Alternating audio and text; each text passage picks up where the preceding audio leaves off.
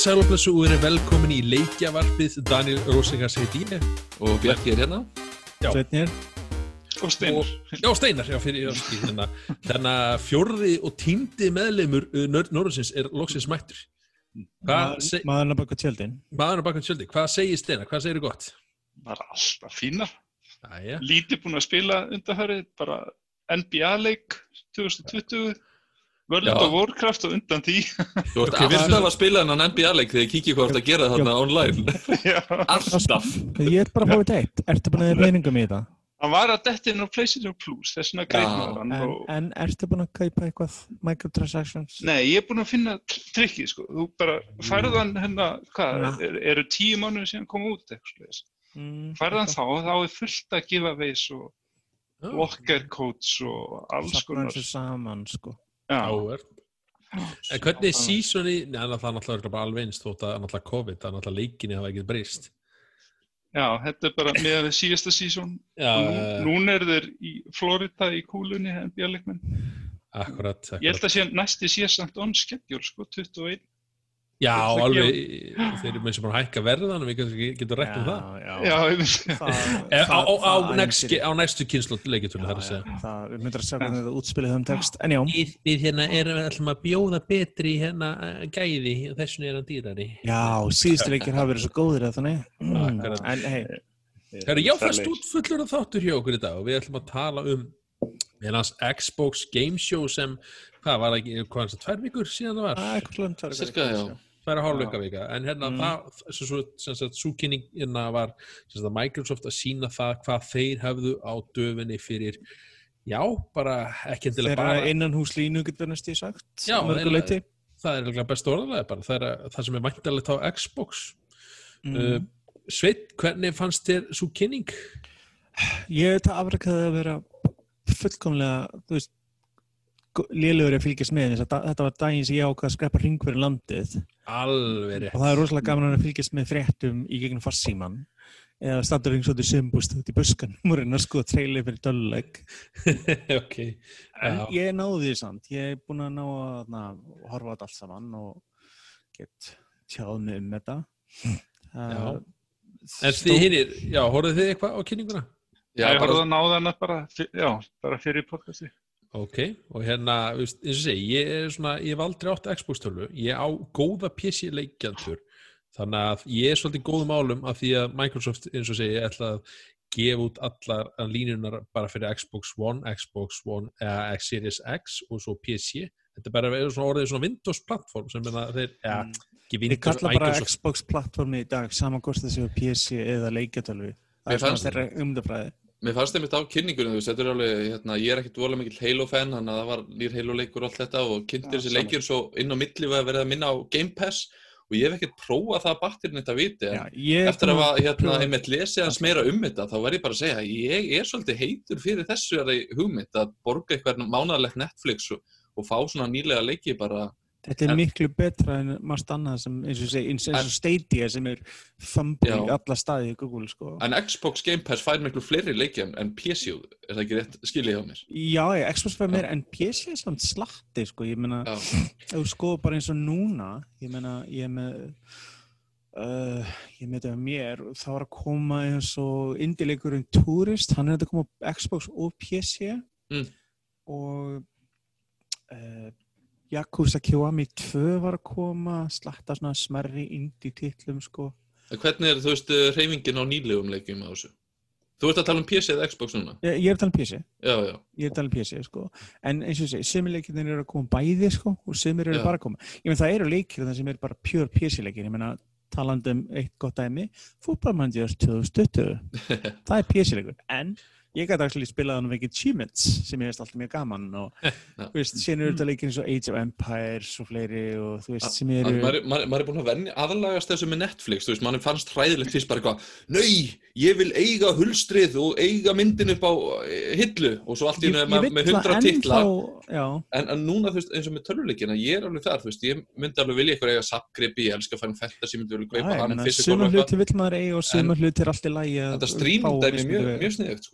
þetta Já, ég meina þess að segja, þeir eru mjög duglegir að setja titla inn og ég meina þú getur spila alveg sæmilegan slurk, ég meina Flight Simulator leikurinn sem er að koma út núna í næstu viku hann kemur einmitt á Game Pass bara day one, þannig að þú ert með Game Pass Flight Simulator leikur nýji sem er kannski hérna mjög flott einmitt við kynninguna er að einmitt þannig að allir þessi leikir koma á Game Pass day one Já, og Það er Grounded svakalegt. leikurinn sko sem var að koma út í open, svona game preview hann er Já, það, það er svolítið og hann er komin á Xbox og PC en Já. þú getur líka að pikka hann á Steam en þá getur kaupir hann en þarna Akkurat. getur bara fengið hann access hann strax Sko. Playstation er með eitthvað svipaði það ekki þeir eru með PlayStation Now. Hafið þið prófað það? eða? ég er alltaf á leiðin að pröfa ég myndi Nei, alltaf að pröfa að skrá mig fyrir áskrift í viku og testa og svona rulli gegnum þetta Það er meira að- svona gamalt stöfið það ekki það er svona gammalt, eina sem er interesting að þú getur spilað Playstation 3 leiki og stríma þetta en svona, það verður interesting Já. að pröfa en ég veit ekki, en Microsoft virðist þér að gera gott útspil eins og er með Game Pass og sérstaklega þeir eru búnar að bjóða þetta svo ódýru verði að þú veist Já, Já, og síðan eru þeir að samina svo mikið þjónustum. Þeir eru búin að renna Xbox Live og Game Pass í saman. Og núna í næsta mánu þegar streamingdótið kemur farsíma, þá rennur það inn í það líka. Já, ég var nefnilega alveg ákveða PlayStation 5, PlayStation 5, ég er að fara að kaupa PlayStation 5 Nú, þetta var fyrsta sem let mér svona halla að Xbox næstu vel sko bara, heyrðu, mér langa kannski Já, svolítið í þetta. og, síðan gleym, og síðan gleymur ekki því að þeir eru búin að tilkynna uh, allir Xbox One-leikir virka á nýjövelni heil hellingur Xbox 360 leikim og það mun bætast við Xbox Original-leiki allt hardware eitt virkar.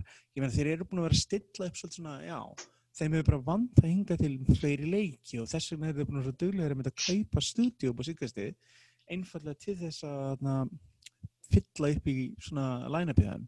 Mm. sem hefur vantað.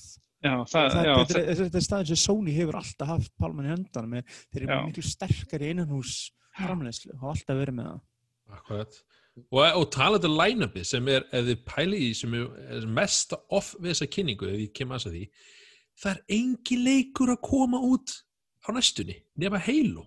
Halo kemur í við Halo kemur nógumber, og ef við förum að segja við leikina, ef, Já. ef, við byrjum með Halo sem er náttúrulega þeirra bara, þú veist, stærsti leikur sem hann, Já. hvernig fannst ykkur hann líti út? Hann fekk alveg mjög mism Já, fólk bara kvart undan grafíkinni eitthvað var það sko, ekki köplum er hann flottur ég held að það sem manni grunar að dræja hann einhver leiti niður þó mér finnst hann ekki slæmur er að þeir, hann þeir eru að gefa hann út á Xbox One og nýju vilunum, Series X. Þannig að takkilega sé þetta er eins og alla leiki sem við lendið áður með kynnslóðskiptin, PlayStation 3, 4, 2, 3, whatever er þetta er leikir sem lenda í kynnslóðbylunu og koma út á báðar. Og maður hugsa alltaf með sér ef þessi leikur var ekki bundin Xbox One lengur og er bara að koma Series X og PC þá var ekki að gera miklu meira spennandi hluti fyrir hann Mér, ég, já, mér fannst hann bara lítið það er það sem maður er að hugsa, sko, ég held að hann verður alltaf sko, ég veit ekki ég er alveg til í semi-open world ég þarf ekki open world Halo leik ég er til í svona semi-open leik Já. sem er svona gefur, þetta er eins og Uncharted pröfaði með Lost Legacy og fleira sem eru svona partar sem eru opnir, alveg svolítið Last of Us 2 hann er ekki open world í hefðbundin skilningi þannig að þessi, en hann er samt með ákveðna kapla svæðum sem eru opin og gefur okkur frelsi, ég held að það geti alveg virkað fyrir einu leik. Nú hef ég ekki spilað Halo leik lengi og hérna, og, og ég, ég, ég hafði bara mjög gaman demónu, ég sagði, ok, þetta er Halo mættur aftur, En svo þegar ég fór að- svo þegar ég fór rýn í hann aftur, það var voða lítið nýtt í þetta, þetta er svona, er hann fyrir bílinn, hann kerði hann áfram, þetta er svona, já, Sko, ég er búin að er gera, er að þetta allt Já, já, en það sem er að sína skyndilega að þú getur gert þetta á opnari borði en áður. Vanalega eins og heiluleikinir hafa bara verið eins og hefðbundir fyrir þeir eru úkslega línulegir. Þú fer ekki um ákveðna korridors og shooters og dreipast Já. óunum, heldur áfram borðið lótar og svona. Og þarna var að sína eitthvað aðeins meira í frelsi Akkurat. en maður þarf að sjá meira úr leiknum eins og er. Ég, mynd, já, ég vona, ég vona að mér taka meiri áhættur með leikin, það er að segja, eins og þú segir, þegar, þú veist, Halo Infinite, það sé ekki bara sjö, sjöundi leikurinn í sjötti eða sjöundi, mann ekki, leikurinn í og ég og, hérna, og það væri eitthvað svona groundbreaking, þú veist, það er svona, ok, Já. nú er Halo mættur aftur, og ég segi, ég var, þetta, Mm. sko, þessi leikur er fyrsta tækifæri hins stúdíói sem Microsoft stopnaði, sérstaklega þetta takaði seríunni eftir að Bungie að gera Destiny og, og letu seríuna til Microsoft. Er fyrsti leikur í raunverulega sem þeir hafa til að byrja á sinn eigin. Vegna þess að þegar Halo 4 kom út og Halo 5, þá eru þeir verið að klára hluti sem byrjuðu í eldri leikjum. Og þetta byggir alltaf því. þannig að núna er fyrsti leikur sem þeir hafa þetta stúdíu til að gera sitt eigið gera sín útgáfa heil og þanniglega séð þeir svona, já, ég, já, ég er er svona þetta er þeirra tækifæri til þess sjötti leikur hefur svona alveg getað gert það það er bara svona hvernig fara Sjö- fram með þessu söguna.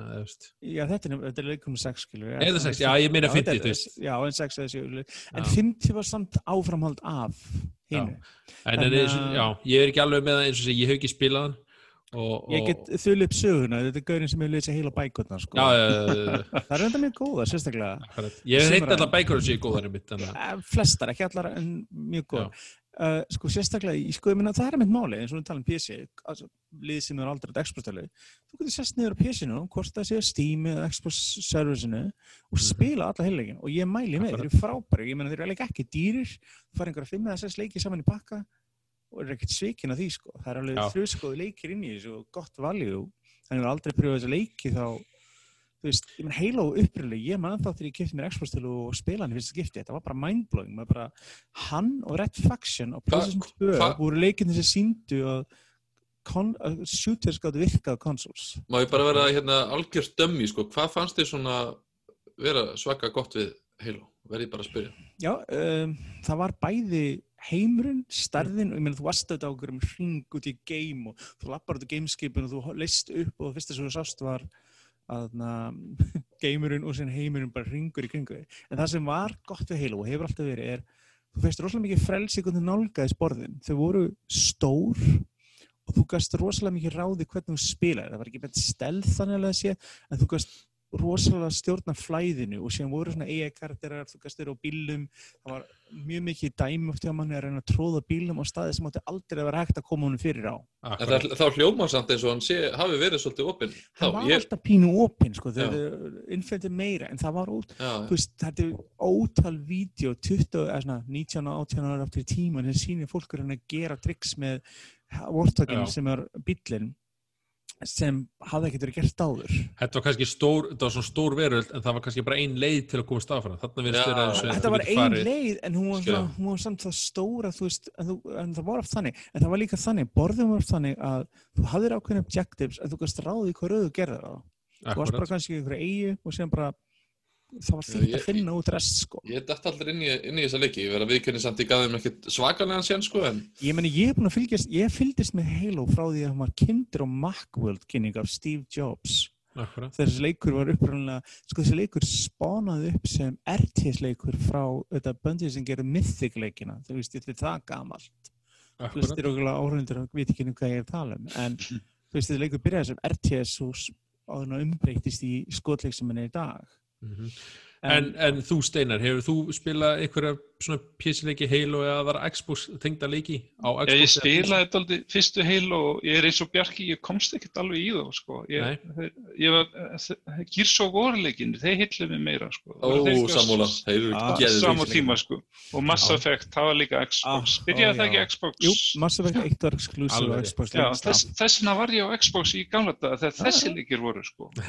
Svo, dætt ég alveg yfir í Playstation Microsoft misti þessi. byrjuði vel einmitt með ákveðna serjur og, og einmitt eitt það sem ég var að býða mitt eftir mikið af þessar kynning og margir sem voru og var einmitt kynningin að vera komin í Fable-leikur loksins. Já, svona teaser. Þeir endur og ég var svektur Já, ég að þeir síndi ekki meira vegna þess að það búið rúmur um en leik núna í eitt eða tvö Já, það er lélegt. Það er skondið sko Playground Games sem er geranleik eru sömu aðlega að gera Forza Horizon bílaleikina. Já, Vá, það er Og- svakalegt. og það er sagt að engineið sem þeir leikir keira á munu leikunum mun keira á því. Vá, og Já, svona, svo ég, flegis aftur í svona, svona sögutíma. Munið eftir PC-leik fyrir svona 20 árum síðan sem, eða 20-ish árum síðan sem hétt Project EGE þetta var lítill leikur, þetta var gerður á norsku fyrirtæki. Og það sem var svo skondið við leik var þetta var first person shooter leikur en hann var að keira á engine sem var gert fyrir flight sim. Þannig að borðinum voru fáránlega stór. Hann kom út 8. desember 2002 eða 2000 fyrir ekki. Já, og þessi leikur, hann var að keira á flight sim engine, þannig að borðin voru fáránlega stór og margfald meira en þú hefur nokk til þessi áður.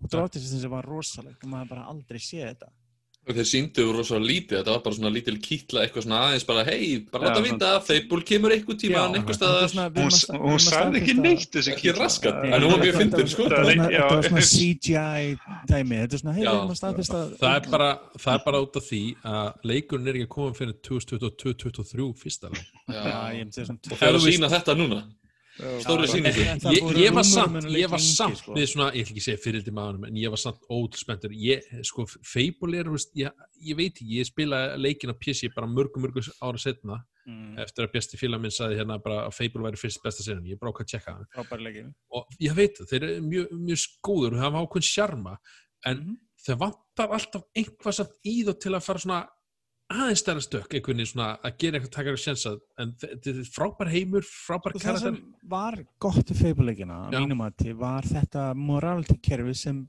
byrjaði að vera algengar í rópleikum setna með, að Já. þetta afleggingarnir af gjörðum þínum hefði áhrif bæði á heiminni kringu þig og sérstaklega þig sjálfan og útlitið. Já. Þú veist hot, eða augum breyttist, þetta er svona eins og í Dead Jedi. Chicken chaser, chase some chickens Já, Sith eða eitthvað, eða þú veist bara geislabögum svo svo góður. Já, og það var ótrúlega gaman við leikinn að þetta en síðan bara platóaði serían eftir tvö og þrjú bara svona, eh, hann var svolítið bakki sáleikur akkurat. Og síðan hefur ekkert gest með blessuð serían síðan og maður er alltaf búin að býða eftir að þeir gera eitthvað Þeir náttúrulega kansiluðu MMA-leik Já, eða þeir kansiluð MML kansiluð fjögra part kópleik sko, hann var bara leik- tilbúin eða svona, eh, við veitum ekki hversu ég mikið pröfaði leikin í lókuðum testum og hann var ekki sett, var svona dungeon simulator þannig einn var hefðilega dungeon masterinn Já. og hinn voru players. Já, var bara svo mikið, þeim tíma sem Don Matrick er yfir Microsoft og það bara var allt í rústi og. Rare var í rústi og svo mikið af þessum leikjum um dóu fyrir viki sko. Akkurat. En svo voru fleiri eins og leiki State of Decay State of Decay 3 3 sem er einmitt- Stalker 2 Ég- ef ég fyrir svona Ég, ég, ég var einmitt heitasti fyrir þessum tveim uh, leikjum sko, ég hef ekki spilað sér að Stalker 1 eða State of Decay fyrir Nei. 1 og 2 uh, en mér ást þessir hérna leikir heitla mér mjög mikið sko, elskar ég- svona post-apocalypse feeling segi, mjög skemmtileg State of Decay 1 og 2 ég manni 1 var rosalega janky en hann hafði okkar sjarma svo fólk let sér svolítið hafa spilan fyrir viki 2 svona byggir á því ég Mhm. fór til að sjá hvað gerir með 3 sérstaklega út af eins og segi State of Decay 1 og 2 kom bæði á PC og Xbox Það er bara svona zombie-leikir líka er það Já, ekki? og það Já. snýst rosalega mikið um survival og þú veist út að halda utan um Ég elskar liðis út með og það var alltaf gaman hann- að keira með vinum og hurða og zombia sko. En, spiluðu eitthvað Stalker fyrir leikin? Ég er að Spilaði spá, stundum er á- hann ekki dálítið líkum Metro þessi stókur? Er það Þetta er, það er Metro góð- fyrir Xbox? það er ástæðan að það er ekki, það er ekki tilviljun. Margir af þeir sem gerir metroleikina unna stokkar uppræðanlega Já, Já, ok. það er málið, þeir eru báðið frá Ukrænu það er málið, þessi bæði fyrirtæki eru frá sama stað og þeir byrjuðu þar. Þetta game GCS GSC fyrirtæki sem bjóð til vista stakleikin leysist hálfpartin upp eftir á og varði einhverju rústi óksla lengi og stakar er búin að vera, tvö er búin að vera bara svona rúmur í árum saman. Og síðan fó- fóru hinn og stopnuð stúdjó sem bygguð þáttu metraleikina. Þannig að núna loksins er, eftir öll þessi ára loksins að góða nýr stakleikur. Það er búið að endur reysan held ég tvisar eða þrisar enda frá döðanum Mm -hmm. en það er jákvæmt að sjá samt að það er að koma eitthvað ég menna að Microsoft kynntu þetta nýjan Forza sjokkarandi fréttir og allt það skilur Já, og enn Fyrir- aftur það er, uh, þeir, þeir segist vera, vera nýbyrjar ána, væri bara svona Já. Já, þetta, ok. og þeir eru búin að sleppa tölunum þeir eru, þetta verður ekki Forza 8 Nei. þeir eru að skipa en síðan þetta síndu sem eitt sem þetta orði, framaldi orðin Blind Forest síndu hann og það er Var það framhaldi? Var það ekki eitthvað svona Enchanted?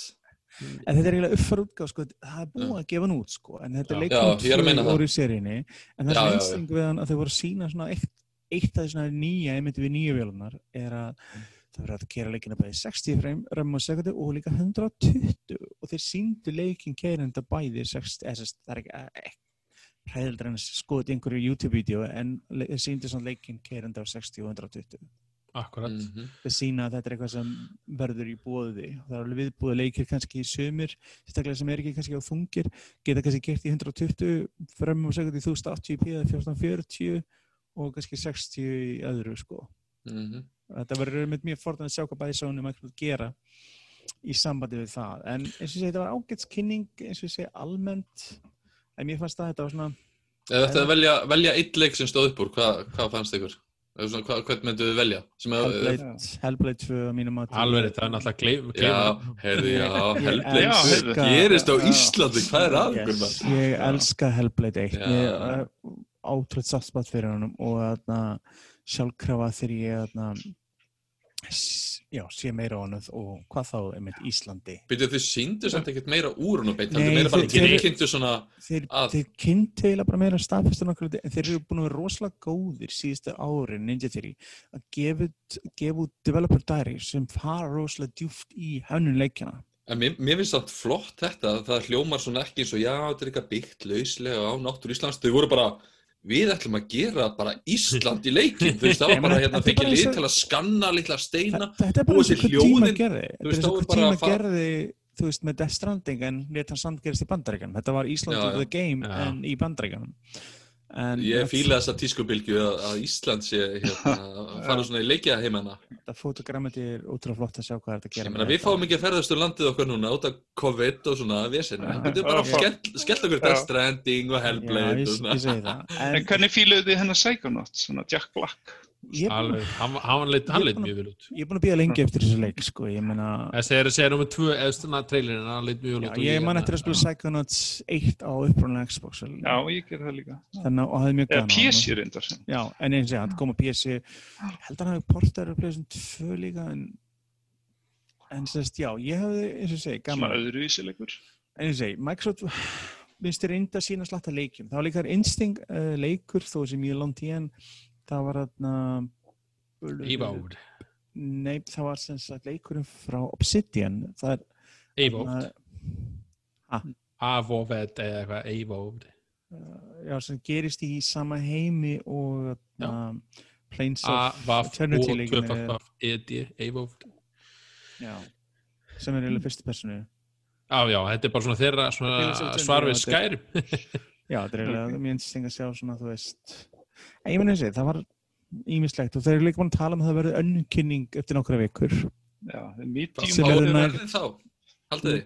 ég held að það þeir- vonandi það- verður búin að komast að annarkvort að því þá eða fyrir þann Það tíma komin þess að- ágúst sko, ég nennis ekki lengur er að springa þetta Það sko. hlýtur að koma fyrir september, ég trúi ekki öðru. Því Hversu miklu það maður að sapna? Maður verður að vita þetta sko. Það er líka er máli og ég menna sérstaklega líka sko síðan fyrir vestlanir sem er með príordir og allt svona eins og ellendi hvernig er mögulega alltaf að byrja fólk að príordir eða þú veist ekki henni hvað hlutin kostar eða hvernig hann kemur út? Ég var einmitt að bera saman gamla tölur af því ég er svo forvitan að vita þess að þegar þau tilkynna verðið, Mhm. hvað hún muni kosta á Íslandi. Ég var að sjá það er alltaf það, verðið úti og síðan hvað bætur við á Íslandi? Já, hérna á Íslandi þegar PlayStation 4 kom út, þá var, þá var verðið sett, þú veist, Erlendis eða ef við miðum við að það sé 100% verð, þá var Mhm. verðið hérna á Íslandi 122%, þannig að auka þarna 22%, en síðan Mhm. þá, þá er búið að hérna lækka einhverja tolla eða einhverju svona dæmi á einhverju ráftæki. já, og sen eru þetta ennþá með uh, svona aktíft umbóð fyrir Playstation og bara Mm. gera það vel en að það muni ekki nema einhverjum tíðuskalli þá sko Tíu, sem er alveg mjög ásættanlegt með Já. hvað við búum á landi og allt svoleiðis. það, það er að lifa með ákveðnum Og- verðminni sem og er ekki gengið í dag gengið í dag er, er hagstæðra aðeins en það var þá sko Já, en það er- COVID getur breytt í mjög hratt eins og Já. við sáum hérna þegar það byrjaði sko. eins og ég segi, ég meina, ég man eins og ég segi eftir að köpa Playstation 3 og hvað hún kosta, ég á það einhverstar kvittunan í kassa með þessa hvað, Playstation 4? þrjú, Þrjú, já, já, já Var einhvern sex, 79 og 9 hefur maður rétt var hún svona tí, já, alveg rétt. já, dýrartípan maður Ah. 79, 60 gig 599, 599. Já, Sko, það er Playstation 4 málið, ég var á meina- 80 eða 79 og 900 hérna. Það þarf auðvitað að koma eins og ég meina, ok, það eru svona klárt fólk, eða klárt fólk, sumir minnst ég leggja fyrir núna, ég er með reikningu heimbankana mínu sem er lagður undir þessa vitleysu. Þetta er ekki gaman. Nei, ég veit, ég er djóka. En ég, veist, mér fór hlanga að vita það með nákvæmlega, hvað, þú veist, þetta er eins og svona sparnatakmör, hvað ætlar að sapna miklu? Og ég bara, hmm, halvur miljón, er það nóg? Nei, ég bara segi svona, þú veist, maður veit ekkert, sko. Já, ég meina, við erum að fara að flytja á nýjan stað hérna, við fjölskyldan og við erum að fara að kaupa nýjan svona sjómaskeng og kona var eitthvað, hei, sérðu, sérðu hennan, þessi er flottur og hérna, ég, fyrsta sem ég hugsaði var svona. það er ekki pláss fyrir Playstation 5 á henni Já, ég veit þannig að hann ekki kom ekki til greina sko. Ég veit ekki einu hvernig ég þarf að koma fyrir mig líka. Ég- Það er þetta mjög Kon- gott, ég ætla að segja, já.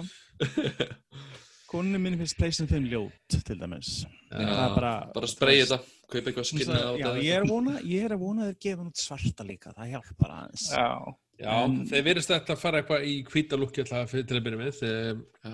já, Hann er búin sjást myndir af svart í fjastringu svo, en spurningin er, getur þú klippa hliðarnar af eins og virðist þér að hægt að smetla þessu á getur þú klippa af og sussað út svörtum og þá er þetta ekkert mál Mhm. en uh, já, en eins og segi mér við öllu eðlilegu ef þetta báði vilja koma út þessu ári sem það er ekkert að gera, þá verður þetta og late oktober byrju november ég myndi næsti við að peninga að Microsoft gefur út í november svo vel sko, datal sem geti bara komið með dagstingaspá bara hérna Ég er að segja ykkur 29. oktober PlayStation 5 og 17. november en að Xbox Series X þið heyrðu fyrst hér í gjörpinu hjá Daniel Er Rosenkrantz það? Ég ætla að segja 10. Fengjum við nóvember. leikið eða ekki? Nei, ég, það er- ætla að segja 10. Smá nóvember. Ég ætla að þegar segja er bak við það. tí- Ég ætla að segja 10. november vegna þess að þú veist, þú er ekki að tækifæri til þess að Ég segi, Gefa 17. út þegar, Assassin's Creed Valhalla kemur þá verður hann útgöð leikur fyrir hérna eða? Xbox One og Watch Dogs Legion verður útgöð leikur fyrir PlayStation 5 Er er það ekki rétt munið mér þegar að senast Xbox kom út að þá sem sagt var hún fók dýra því þau þvinguðu notendur til að kaupa VR hana,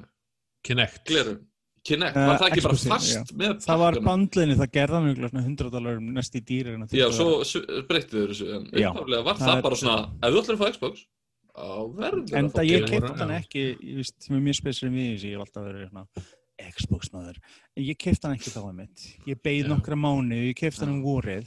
Mér, mér, En- líð, mér líður eins og ég þurfa að fara í Nintendo næstu eitthvað vegna þess að núna er ég búinn að vera PlayStation 4 kall, fyrir það var ég Mhm. Xbox 360 kall, fyrir það var ég Sega Dreamcast kall og, Sko, og hérna PlayStation það er 2 eitt- skástrík. en PC, aldrei PC kall. Nei, PC var meira svona frá 6 ára. Nei, bara frá því byrja að spila leiki og þá segir ég sér bara barnalegt, ok. Nei, ég kifti Nei, ég er að segja bara að það var svona mín upphafsár, fyrstu tveir áratugarnir eða eitthvað sko Spila Ég, fekk í maður á PC-tölvu og allt svona sko.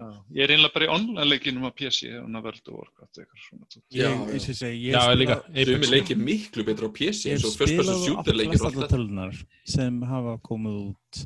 En eins og segis, ég var Xbox original maður meirinn PlayStation, uh, PlayStation eh, ég átti PlayStation, síðan fór ég Xbox original síðan tók ég PlayStation 2 slatta síðan fór ég í Xbox 360 meirinn PlayStation 3 meira PlayStation 4 en Xbox en það er svona síðasta árið eitt að hálft er búin að umbreytast eftir að X-velin kom út notaði meira En ég, sko, ef ég þurfti að velja, ef mér var stilt upp að vekk og sagt veldu vél núna, næst, ég myndi velja Xbox-vélina. Ha? I know, ég veit. Svipar þér er stilt upp að vekk og sagt Nintendo það ekki, ha, hmm. Er það eitthvað tengt Game Pass eða er það bara ég sem er heitur Nei, fyrir því? Sko, Fram Game- með PlayStation Game Pass hefur áhrif, Já. en líka það að ég get spilað Xbox One leikina mín áfram og ég þarf ekki að vera með marga vélar uppi, ég get Já. haldið áfram það festeringarna mínar, ég get spilað eldri það er ekki leiki. með PlayStation 5 Ég það sem ég meina, ég get spilað Morrowind af Xbox upprunalega í 4K eins og er. Hvað get ég spilað þegar það kemur óákveðin 6K eða 8K eða ég meina geta og þeir eru búin að tala um að þeir geti bætt þeir eru búin að finna tækna Microsoft að setja HDR í leiki sem voru ekki studdekinu, við erum að tala um kannski orginal Xbox leiki sem allt í er stið HDR pældi því, eða 360 leiki Hvernig það kom út annars?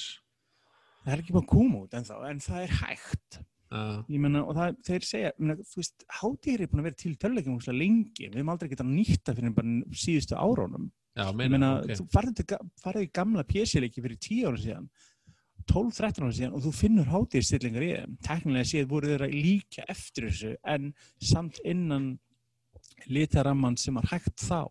En skyndilega núna eru þeir ekki lengur bundir, ég vegna þess að sjóum stiði miklu fyrir liti Mhm. svo þú gætir svolítið spilað gamla leik og upplifa hann aftur og nýtt með þessara tekník, getur ímdað það vera upplegað leik sem þú spilaði þegar þú varst yngri spila aftur og nú er allt í henni bara blúsandi HDR og þú veist, þú bara verkar í augunum eins og þú sér þetta ég Það held er að samt myndi ekki tröfla með gamla grafíkin sko. Alveg, já, já, alveg. já, en, en gaman hafa svona valkost, það er alveg það og líka bara eins og segja leifa er alltaf að keira leiki í stöður fremreit menn hver kannast ekki spilingur leika á okkur gaman tölvu og fremreit er hræðilegt sko. En síðan kannski spila hann setna á PC og fremreit er En bara þetta er samt, mér, mér og- persónulega finnst með gamla leiki. Það er svona, þetta er svona pínu svo að spila gamla plötu, það er svona sjarmi við að heyra gamla hljóðið og eitthvað svona. Jú, jú, það er að spila gamla leiki og vill maður að fá já, en, þetta en, en ef- vesen. endur, sko, en það er eitt að hafa upprunnulega grafíkina og upprunnulega hljóðið en virkilega þarftu virkilega upprunnulega 10-15 frames per second gameplayð þar sem þú ert að býða eftir að allt saman gerist. Er það virkilega nostalgi það getur nostalgi 5 minútur fyrir mig en ekki til lengdar. Ég græti aldrei ef ég get spila leikinni betri gæðum en það er líka þarna er ekkert endilega eins og ég segi, við höfum spilað á PlayStation 4, Pro eða Xbox One X eða PC leiki sem við spilað áður en skyndilega keira er betur og eina sem þú veist að gera þú ert bara með kraftverði hardware og það mun verða raunin á PlayStation 5 líka. Já. við munum spila PlayStation 4 leiki á henni sem skyndilega keira betur. Og það er ekkert að breyta grafíkin einu, það er bara bókstala betur hardware leifi leiknum skyndilega að keira stöður fremnönd Já. að halda consistent 30 eða 60 versus að vera 45, 50, 55 söflum kannski eins og við oft kannast við. Ég hlakkaði bara til að sjá hvernig Ratchet Clank og hérna Horizon og þessi svona næstu, næstu leikinir af PlayStation hérna, Já. þú, mátt, eiga hérna gömlu leikin það er svo mikið af flottu leikjum framöndan að maður Já, já, því miður hefur einhvern veginn Já. ekki tíma til að spila Einmitt, en Mér finnst samt ekki eins mikið oftir en, en það gæti bara þetta ár og árað undan er búin að vera weird finnst mér Herðu, Nei. já, Já, Daniel, þú ert búin að vera, er það ekki? ég ætla að segja hérna Xbox og? PlayStation er búin að fá allt og mikið aðtekli henni í þetta Nintendo Man. Núna er koma Let's go Mario En satt uh, fyrir hérna það bara sama dag á Ghost of Tsushima þá kom út leikur sem heitir Paper Mario Paper Mario fyrir ekki The Origami King Og hvað, Eh. þú ert, ertu búin með hann eða? Nei, ég, hann er, hann er kemur óvart er langur. Og Ég ég er er bara hrifin af Origami Killer persónulega en það er alltaf Origami Killer, já, Það er nákvæmlega. flott grafík, eða skemmtileg grafíkin. Mér finnst það- mér finnst það mjög flottur, ég held að sé trailerin bara? Hann er með, nei, hann er líka bara mjög flottur. Hann, Ég fíla artstílinn, ég veit ekki með game bardakerfið persónulega. Nei, nei, ég, eins og segja, Það er grafíkin, grafíkin er enna flott og örgulega með þeim bara betri á þessu ári. Uh, ef, ég, ef, ef ég ætti að para eitthvað saman þá er örgulega Ghost of Tsushima sem lítur fárlega vel út, náttúrulega Last of Us 2 og, örgulega Flight Simulator, svo kemur Paper Mario bara með þennan artstíl sem er bara er að hylla mannum upp á skónum. Uh, leikurinn uh, jú, þetta ok, þetta er Mario leikur með söguþrá með góðum söguþræði svo far. Þannig að og, og, og það er svolítið heillandi því að þú leikur hérna veist, það hefur verið pappis útgáfa Mario. Ég veit ekki alveg hver uppruna er nákvæmlega því. Ég spilaði eitt hérna á, á Er alveg aftur í snes held ég. Já, ég sé að- en það. En- Ég á leik á Wii síðan spilaði sem ég er mjög gamna sem Já. leikur líka akkurat, en þessu, þeir eru annað mættir eftir, þeir komur á svona eins og það kom einn á Wii U. Hann fekk það ekki góðar Ég viðtökur var mér svektur, mér langaði að spila hann en mér skildist það bara gameplay-sliðið sé var ekki nóg góður. Já, og Bartakjær eitthvað skrítið og Já, og ég mjög hrættu þennan líka mér skildist þessi betri en ég hrættu barndasystemið já, hann er mjög hérna Mér svona langar næstu í leik eins og Wii-leikurinn bara í miklu betri gæðum einkennilegt hérna bardakerfi í þessum við mitt hérna þú hérna sem sagt sögurþráðan ef við segja því, það er origami ég veit ekki hvað íslensk orðið origami er en hann Origami. Er það íslenskt orðið? Það er ekkert íslenskt orð, það er bara japansk tökur sem er Já, ok, Það ok, er ekki til neitt íslenskt orð yfir origami þessu væri að spyrja hvort það væri eitthvað, þú veist. þess að spyrja hvort það væri til en, en, en að þetta er svona brotinn pappir eða svona brot upp á, upp á svona búið til listir það er að segja þú getur búið til svan eða eitthvað svoleiðis. Er að segja origami heimurinn er vondi eina, origami kongurinn Olli sem er hana, þessi sjálfskeipaða kongur tók yfir Paper Mario heiminn. Það er að segja rændi Peach, uh, Princess Peach hana kastalunum og hérna ætlar að yfirtaka Nei, heiminn sjokkar, er þetta að segja Princess Pizza er frænd enn einu sinni? ég, hún er ekki bara nú, henni var, henni var stöppbreytt þeir gerðu úr henni Oh origami. God. og origami er sagt vondu uh, kallan í leiknum. Og það sem er sem mjög sérmættið leikurinn er ótrúlega fyndin oft sem ég er flissa saman því að bara strax í byrjun hana í leiksins þá er búið að pakka hana báser eins og köllan íslensku króki króku kongur, það er búið að pakka hann saman og bróta saman og hann er bara hei Marju við þurfum að, spila saman og keppa, það er bara, ó ok.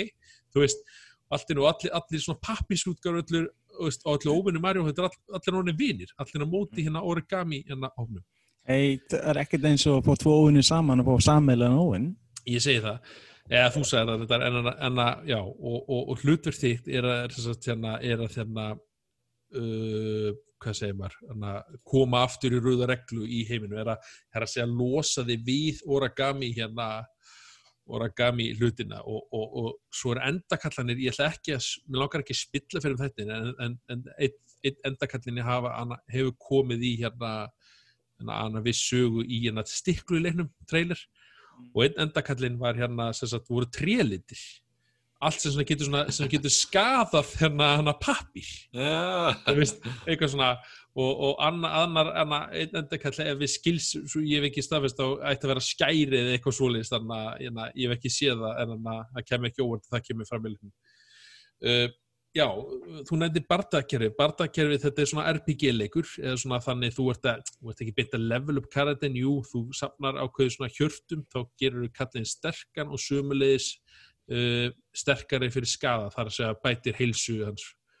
Uh, bardakerfið uh, snýst þannig þú, na, ég veit ekki hvort það hefði séð það, verður að Ég hef hort að vídeo sem sínlega með þetta ringdæmi og... Já, far, þú ferði í svona eitthvað arína, það er segja eitthvað svona leikvang og þar átt að rafa köllunum saman með því að snúa. Þetta er svona eitthvað snúningsskýfur og að rafa köllunum saman óvinnum en veginn röð eða, eða, eða svona ferkanta svona, svona eitthvað kassa af því þú hefur tvö vop, það er veginn að hoppa á óvinnin eða hamar Það er að segja að þú veist, veist Svona dæmi sem þú fattar þetta með úksla vel úr sér vídeo Já, já þið verðilega YouTube svona ganni sko, svona bara eftir þottin eitthvað Það skýfur dæmi, veistu hvað það minnum á? Það minnum á gamla, gamla pjessileiki er hérna með kóduvíl þegar þú komast inn í leikin og leikunum spyrðum password og þú ættir að snúa okay. dæminu til að fá einhver merki en Ok, bara það að kerfið líkt einhverjum öðrum leikið því ég er ekki alveg að að tengja er þetta er eitthvað þetta er, þetta er alveg uník bara. Þetta er svo ólíkt eitthvað. Þetta er ólíkt þetta ég held ég við aldrei séð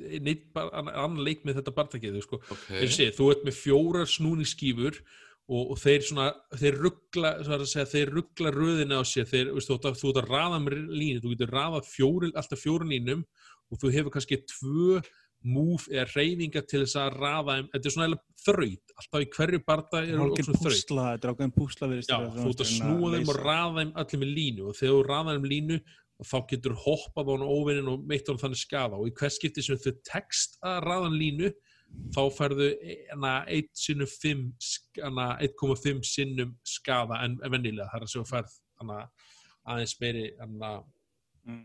Og hvernig, hvernig finnst þið barndagakerfið virka? Finnst þetta að vera, er þetta skemmt að þér í þessu barndagakerfið? Þetta er þreytt. Svona, þetta er þreytt? Þetta er, er, er, er mjög töff. Þetta er einhæft eða? Já, já, stundum erfitt. Þetta er svona, þú veist að segja, þrautin verður náttúrulega snúnar þegar koma lengra líður að leikin. Mm. Uh, þá færðu að sjá svona aðra óvinni, svo draugana bú veist, þeir eru kominir inn, inn í leikinu og þá hverfa þeir, þú sér, þú sér það hvað þeir eru í byrjun, en svo hverfa þeir svona, na, na, bara puff af skífunum og þú reyna að muna hvað þeir eru til að raða við óvinnin oh Lín, þetta verður eitthvað svolítið uh, segi, uh, þú, þú græðir ekkert að vinna jú, þú fær pening fyrir eitthvað að vinna barnda um, sem getur alveg... fengið einhverja aðstóð í leiknum eða ekki frá Jú, ég vil aldrei nota, ég er kannski hægt að gera. Mér líður alltaf eins og ég sé ekki svindla heldur mér líður eins og ég ætla að gera þetta án þess að aðstofa fættið því. Þú gerði þetta sjálf, ég stóð strakkur Já, Já. ég var í allan tíman átt hvað segir ég, ekki drasta mig, ekki drafa mig aðeins? Smá, að skoðast lengra. Að svo söguna. Akkurat, og sagan eins og sé, þegar ég segi það en að mér langar náttúrulega ekki spillinu, það væri svona sé, það kem, koma personur fram í það og hann er, sé, hann er útrúlega fyndin, allt er hérna kemur að því að þú ferði eitthvað bar og þar eru tveir aðeins óvinnir hérna, hérna í Mario-veröldinni að svona rökriða það hver, hver er betur óvinnur, Gumpas eða Shy Guy? Og Mario sest á barinn og er að drekka og er bara að hlusta á það og, og gúmpa fyrir raukraða það að því Krók og Kongur sendi alltaf hann fyrstan í barda í öllu Marjónleikinu þá hlýtur hann vera mikilvægasti óvinnurinn, þetta er svona alls svona grín sem er svona fali í leiknum og Þessu segi, það vandamáli við, ég sé hennar leik mér finnst hann ótrúlega heitlandi, arstillin og allt svo leir, ég held bara óska þess að hann var bara hefðbundi bara action RPG bara Ég system í líka. hann og þá verð ég bara all over, þá verð ég bara að redda mér leik sko, ég verði bara til þetta að vera svona ænitýra hoppleikur og svona Ja. eitthvað Mario.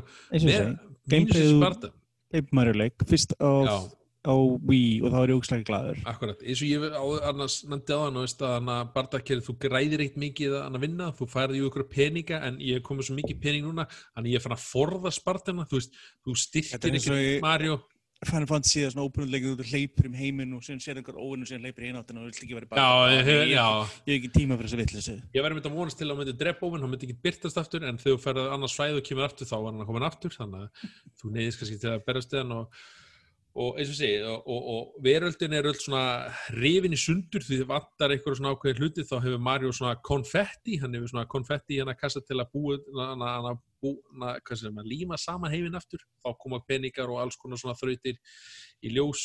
Uh, leikurinn er fullur á toads hann er svona sveppum sveppakallarir uh, og, og þeir eru í alls konar dulbúningi, þeir geta verið til dæmis dýr, það er búið að brjóta á saman og, og, og, og gera það svona origami. Svo notar það hamarinn til að berja hann í þannig að þau sundur þá allinu til að fletja hann út aftur. Og, og þeir koma með ókýrsla að finna brandara bara alltaf á og til og, og e, já, og þetta er bara svona þetta er mjög hillandi leikur þar sem ég fyrst að bara svolítið á langur ég er eins og segi, ég er öruglega fjórða, þetta eru svona skiptið á hvernig svæði. Ég held ég sé á fjórða veröld núna eða fjórða, annað fjórða svæði. Mm. og, og ég er núna okkur bát. Þú kemur fram í treinu, nú er allir fann að sigla bát. Þetta er svona mjög fjölbreytt svona, samt svona exploring dæmi og, í leiknum. Og, og, og já uh, ef ég er svona eins og segi, það er svona erfitt að mæla mér og þannig ef þú vantar einhvern switch leik til að spila og hefur engan þá kannski eins og segi, prófa að kíkja á Mario, Paper, Það er Paper gott að kynna sér hann kannski á undan að YouTube, svona sjá hvort þetta leikur fyrir þig en ekki kannski labba blindin í hann. Nei, Það er akkurat, rétt já. segja það, eitthvað slæðis. Það hljómaður svona einmitt eins og þetta sé flottur áhugaður heimur, skemmtileg saga, en sko- gameplayið sé Sko, kannski ekki Sko fyrir suma getur þeir Ekki gripið þetta rosalega en þetta, þetta er eiginlega þannig, að fyrir aðra kannski, já gætur verið svona pínu eh, maður er svona hugsa það helst þegar maður sér hann er Hafið þið eitthvað sérstakar spurningar eitthvað svona sem svona, eh, vil- viljið vita meira um Það- leikin? Fær maður svona gamla Mario-feelingin sem er oft í Mario-leikjum eða er þetta bara Nei. svona alveg sér? Uh, paper útgáðan hefur alltaf verið sér hún er svona Já. Mario, er Mario hliðar- hún er hliðardæmi Hefur þið spilað aðra Paper Mario-leiki eða? uh, á Wii, já hann var, hann var, mjög, mjög frábær Og- þá, þá var svona, þeir voru er alltaf með svona ákveðu svona, hvað segir Gi- maður, svona þema já, gimmick. Þú veist, það var úr snýri heiminum úr 10 til 3 í Já. Wii-leiknum uh, Wii-leikunum snýrist um liti og þessir að mig, er ekki rétt að mig? Jú, það er alltaf með eitthvað svona Ég veit ekki alveg með eldurleikina en ég þekki þessa með sko staðins akkurat og er- Ég er hérna- ekkert í Nintendo. Ég hef aldrei verið í Nintendo, Aldrei? er frá mér. Ekki einu sinni gömlu nes, gráu? ég er svolítið- er er Skammast hissa því að ég, ég sé alltaf sko þú Playstation og Nintendo góður Xbox og Nintendo, já, þú góður þú veist, Nintendo er alltaf litli bróður sem hann vil eh, eiga upp á, upp á, upp á fjöri eða finnst mér sko ég, Nei, ég, ég stundum eins og hér- hérna við ætlum að fallum, fjallum follow, uh, hérna, follow, hérna Fall Guys uh, setna í þettinum já, Mm. að hérna, mér, þegar ég spilaði hann einmitt þá var ég svona svolítið að hugsa um hvað, hversu mikið ég sakna stundum Nintendo bara svona sem er eitthvað svona.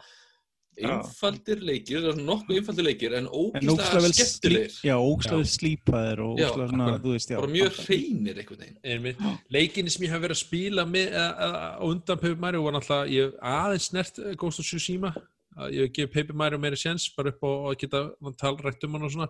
Mm. og alltaf spila við Last of Us svona 200 honum, þetta er svona leiki sem þú bara svona getur ekki hægt, þú bara fyrst gaman að, sjá hvað er að gera næst. En Paper Mario er bara svona, ah, heyrðu, ég er búin að spila hann í, ég nenni ekki meira, ég ætla að setja hann á pásu. Eða svartið því, hann er svona ég fór beint til Last of Us 2 í einmitt uh, Tsushima sko, einmitt. Já, já, ég sé, þetta er svona leiki sem þú er bara svona, vilt, um eiginlega ekki þunglindi. hætta Mér vantaði eitthvað smá, ég, já, ég tók smá svona, og sen ég aðeins kíkt á Tourist einmitt og Grounded á PC einmitt, Já. svona til þess að Já. brydda Já, það er upp á einhverju góð hugmynd að hafa mér svona bjarta og skemmtilega. Mér vantaði Já. smá, sálihjálp eftir ég gaggindi Last Já, nákvæmlega að- við, er vorum að- ekki á sama bát þar Nei. Það, var, það var mjög gaman, ég hefði gaman því sko. Þú er, er, er, þið ekki allir að lofa hann? Ég, ég var ekki. Ég, ég, ég lofa hann alveg en ég var líka með var Það var svona sterkari klappaði hann um kinnina og sparkaði svo í punginu en, en, en það var ekkert rosalega fast samt. Nei, það var svona aðlust, Það var svona, þú aðeins stingur Þú fannst fyrir því en þú gast alveg gengið eftir á Já, gæst alveg fyrirgefið honum, já Já, ég var svona Ég er ekki reyður, ég var í vombrið Nei, Ég- ég ég. Ég þóri ekki að spila það. Ég, hann virka bara Ja. of þungur, of dramatískur. Sko, ef þú spilar náttúrulega stíft þá getur þið og ég, ma- nei, þetta er alvarleg ok, án svona grín þetta er leikur sem getur alveg haft áhrif á þig ekki endilega jákvæðan hátt og ef þú spilar náttúrulega lengi þá gætur alveg verið pínu í smá ójafvægi eftir á finnst að leikurinn lætið bókst til að líða illa Já, það sem ég var með að gaggrina uh, sagði með með Björka að ég standum, fannst hann stundum dvelja aðeins og lengi í því. Þetta, ja, þetta er eins og fyrirleikurinn, maður þurfti að velja, gera ákveðin, ákveði val í lokin sem maður gæti ekkert valið, já, já. maður gæti ekkert gert annað það það er- lít mann lít, Það er- það það heill hellingur af þeim hér. Það er samt svo fáið leikir sem gera það mitt sem eru bara eitthvað svona, hei, nú ætlum við að bjóða upp á eitthvað annað en pjúra skemmtun það er eins og ég hérna segi, ég virðan fyrir Marta þessu, þetta er frábæra við leikur, en þetta er óslega spes. Ég er með miklum tíma núna í leiksöðutölum og eftir Ghost of Tsushima. Og um eitt platinum henni gerkvöldi svo ég hreiki mig sjálf um aðeins til ykkur það var mér vantaði þetta einhvern veginn eftir á. Mér vantaði eitthvað svona leik sem bara svona var skemmtilegt, ég hefði gaman af og á Mhm. öðru sí, ég hefði ekki, ekki gaman af Last of Us, það var ekki það. En það bara vakti yfir þessi þetta er eins og það var gamanmynd, spennumynd eða þriðleika, þú veist, er svona stundum viltu fá ákveðum tilfengu út af hlutunum. Og þið vantar eitthvað annað, þú kannski horfir á þrjár hrollleikjur í röð og stundum langaði bara einu letta gamanmynd eða svona einfalda hasamynd eftir á Akkurat. kannski er það bara ég, ég veit ekki, en, en já. Palette cleanser. Já, maður Já. var tilfinningulega tilbúin í hann allavega. Það Já, er sem ég er að já. segja. Við erum mitt með, að mælum með, við erum mitt með spoiler þátt uh, og hérna, Já, og svo við tölum um hann, þáttur 12, mælum með honum, já, en samt ekki nema þess að ég er búin að spila alveg klára leikinn já, og allir ættu að vera uh, búin að núna, heyrðu það steinar.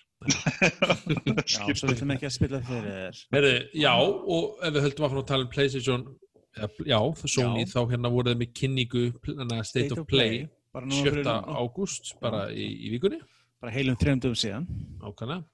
Uh, ég var ekkert allt og hress með kynninguna.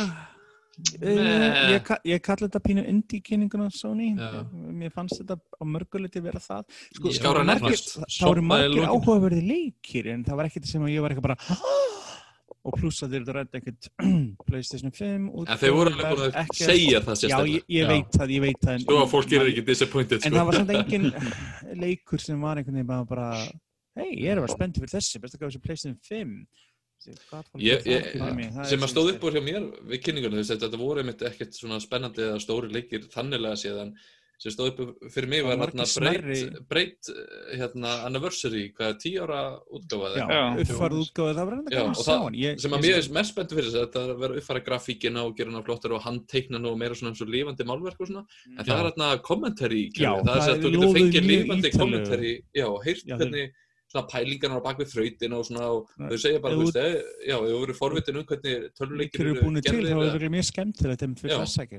eða- er Já. Þannig að Já. mér, varst það hljóma mjög spennandi. Ég Já, kaupi það ég, ég bóttið. sammála því og ég, og ég spilaði fyrir leikin, ég skal við ekki, ég klára hann ekki Mér fannst hann aðeins svo erfið fyrir mig, ég hafði ekki eiginlega heila sælum í sumum kaplan í honum En Það er einna bara mínum uppáðsleikjum ever. Bara, En ég hef mjög gaman af sögunu, ég hef mitt skoðið YouTube og eftir á að sjá hvernig hann endaði. En annar leikur, svona smerri leikur sem ég er spennt fyrir, það er Spelunky 2 sem kemur í 15. hann september. leit Já. vel út. Er fyrir-. Já, ég hef mjög gaman að eitt og það er líka gaman, þetta online dót sem þeir eru að tala um núna fyrir leikin. Hafa spilað saman. Já, ég er spenntur að sjá hvernig það verður. Það getur Já. verið mjög skemmtur leikur og ég er með þetta að vona á þegar hann er komið til PlayStation 4 fyrst að hann muni vera uppfærður fyrir PlayStation 5 sem maður geti haldið áfram að spila. hann. Og hann lítur vel út, sko. Það lít mjög vel út. Ég er ekki að koma bara í september, hvernig kemur hann 15. út? september. Já, alveg rétt. En að ég er einmitt að vona að hann verði uppfærður yfir í hitt líka sem ég langar að halda frá að spila hann. Ég hef mjög gaman að eflaust. fyrsta sparangi og þetta er mjög skemmtur leikur að kíkja á aftur. Ég Já. sýndur aðeins úr öðrum svona indie-leik sem kemur undir ekki fyrir hann í janúar næstara sem heitir Pedestrian Já. Já. 2D dæmi Ég, hana, ég ímynda mér svona ég, Prósetsenni. mér, mér finnst það rosalega hérna lítur áhugavert út en ég held að spilunin verði bara leiðilega eftir 30 mínútur sko. Muni eftir leik sem heitir The Witness eitthvað svo leiðis. Já, Já. já, gaur og gerir breyð Já, ég, við, hann var mjög spennandi í byrju svo gafst maður bara upp á hann. Ég er bara Já, hrættur með þetta sé upp eftir svoleiðis. 20 mínútur eða eitthvað, Ég já. ekki Hann var, hann var svo erfið, hann var svo fljótt erfiður um. Mér finnst það bara einhæfur og leiðilegur ég, mynd, ég myndi spila með YouTube Það er einhæfur. já. Ó, ok, ok. En já, ég skal koma inn með líkinguna Já, ok, ekki einfaldur. En ég veit ekki, ef þetta er rétt verðlega leikur þá getur þetta. Já. Þetta gæti verið instinct uh, Síðan eins og ég segi, síndur eitthvað svona baksnaksleikni sem var síndur á síðustu kynningu Já, Ég veit ekki hvað mér finnst Þetta er skondin looking leikur Ég veit ekki hvað þetta er fyrir mig en Allir voru að missa sig við þemalæginu svo þegar maður sá, síðan sá bara, þetta er sem- frá, frá svona, þau byggur til Octodad sem er svona og, joke leikur. Já, við þekkjum allir uh, uh, þetta er mjög skemmtileg. við erum allir við hafum all, Já. all, all, börn, eða voru börn einhvern tíðan að kannast þið barnalög sem þið langar að byrja að hata ég held að þetta lag getur alveg svona tíma getur þið langar að mér en hvað þið er búin að heyra barnslagslæði í 6050 skipti ég einhvern veginn ímynda mér að það geta alveg skess sko. Já. Svo hút, þannig að vissu þig upp á hvað það gekk? Er það online eitthvað Þetta er tíma online. Outlaws Veist- and Legends. veistu hvað þessi leikur myndi mig á? hann myndi mig á For Honor Já, líka. það var það fyrsta sem ég hugsaði bara, Já, "Bíddu, er þetta bara annar For Honor leikur eða þú veist já. Það virðist sá vera meira tím. Já, ég bara er fjórir sem fjórir multiplayer heist game sem um, leikmenn geta spilað á mót hverjum öðrum og gerðugrindinni Ég veit bara ekki nóg mikið um minna leik, það er máli ég var ekki viss Nei. á tímbilið þegar voru að sína þessu leik hvað þeir voru yfir höfuð að sína hvernig leikur þetta væri. Já, og það var kannski vandamáli við hann að ég var ekki alveg með að reynu hvað við vorum að tala um Nei, einmitt. það er En þetta gæti verið fornilegt, en ég svo að segja, ég, ég ætla að ég fylgjast með þessu með úr fjarlæð og já. En síndaveruleiki, þeir rætta eins og síndaveruleika, ekki mikið en samt, síndaður ennþá supportan sem er ágætt eins að Sony ástund til að droppa support fyrir hluti og með snögglega eftir að þeirra búa til. Og ágætt að segja að þetta er ekki þannig. hvað, Eh, hvað eru við að tala um það? Uh, Wager. bara, þegar þetta Hitman 3 mun stiðið VR ég veit Já. ekki hvort að 1 og 2 fá einhvers konar support tilbaka Jú, ég held að að spila. það, tala- það var sagt að geta spila alla leikina í VR heldur nefnilega Já, Trilogy, já, ég held að Já, það ég held að það tala um það Þetta Hitman kemur í janúar næsta ári akkurat, og Og svo Star Wars. já, Star Wars akkurat. þa- sá leikurinn myndi ég það var leikur sem ég vildi eiga VR greið fyrir Já, Ég spila, var- spila sem veitar. Það spila svolítið spennandi. Horfar út um augun hans sko og stjórnar húnum. þetta virkar, ég var að veikina það þetta er leikur sem ætti VR greið síðan til að spila 27. ágúst. að mér Ég- stila á hann Ég ímynda mér að maður fer hérna ef maður tekur svona feibul útskýringun á þetta ef maður sko maður myndi skella sér VR-gleraugunum og spila hennar leik þá myndi maður örugglega fá hotnin svona bara hægt og rólega Já, á sig, sko, sko múpinnandi Maður á að vera vondikallinn. sko, Já, on, það er stundum er gaman að fá öðru vondikurinn Ég sko í tölvuleik, ekki hendur í alvörinni Já, En síðan þetta kom eitthvað leikur sem klárlega að Daniel getur talað um Temtem eða Pokémon undir öllu öðru en nafninu?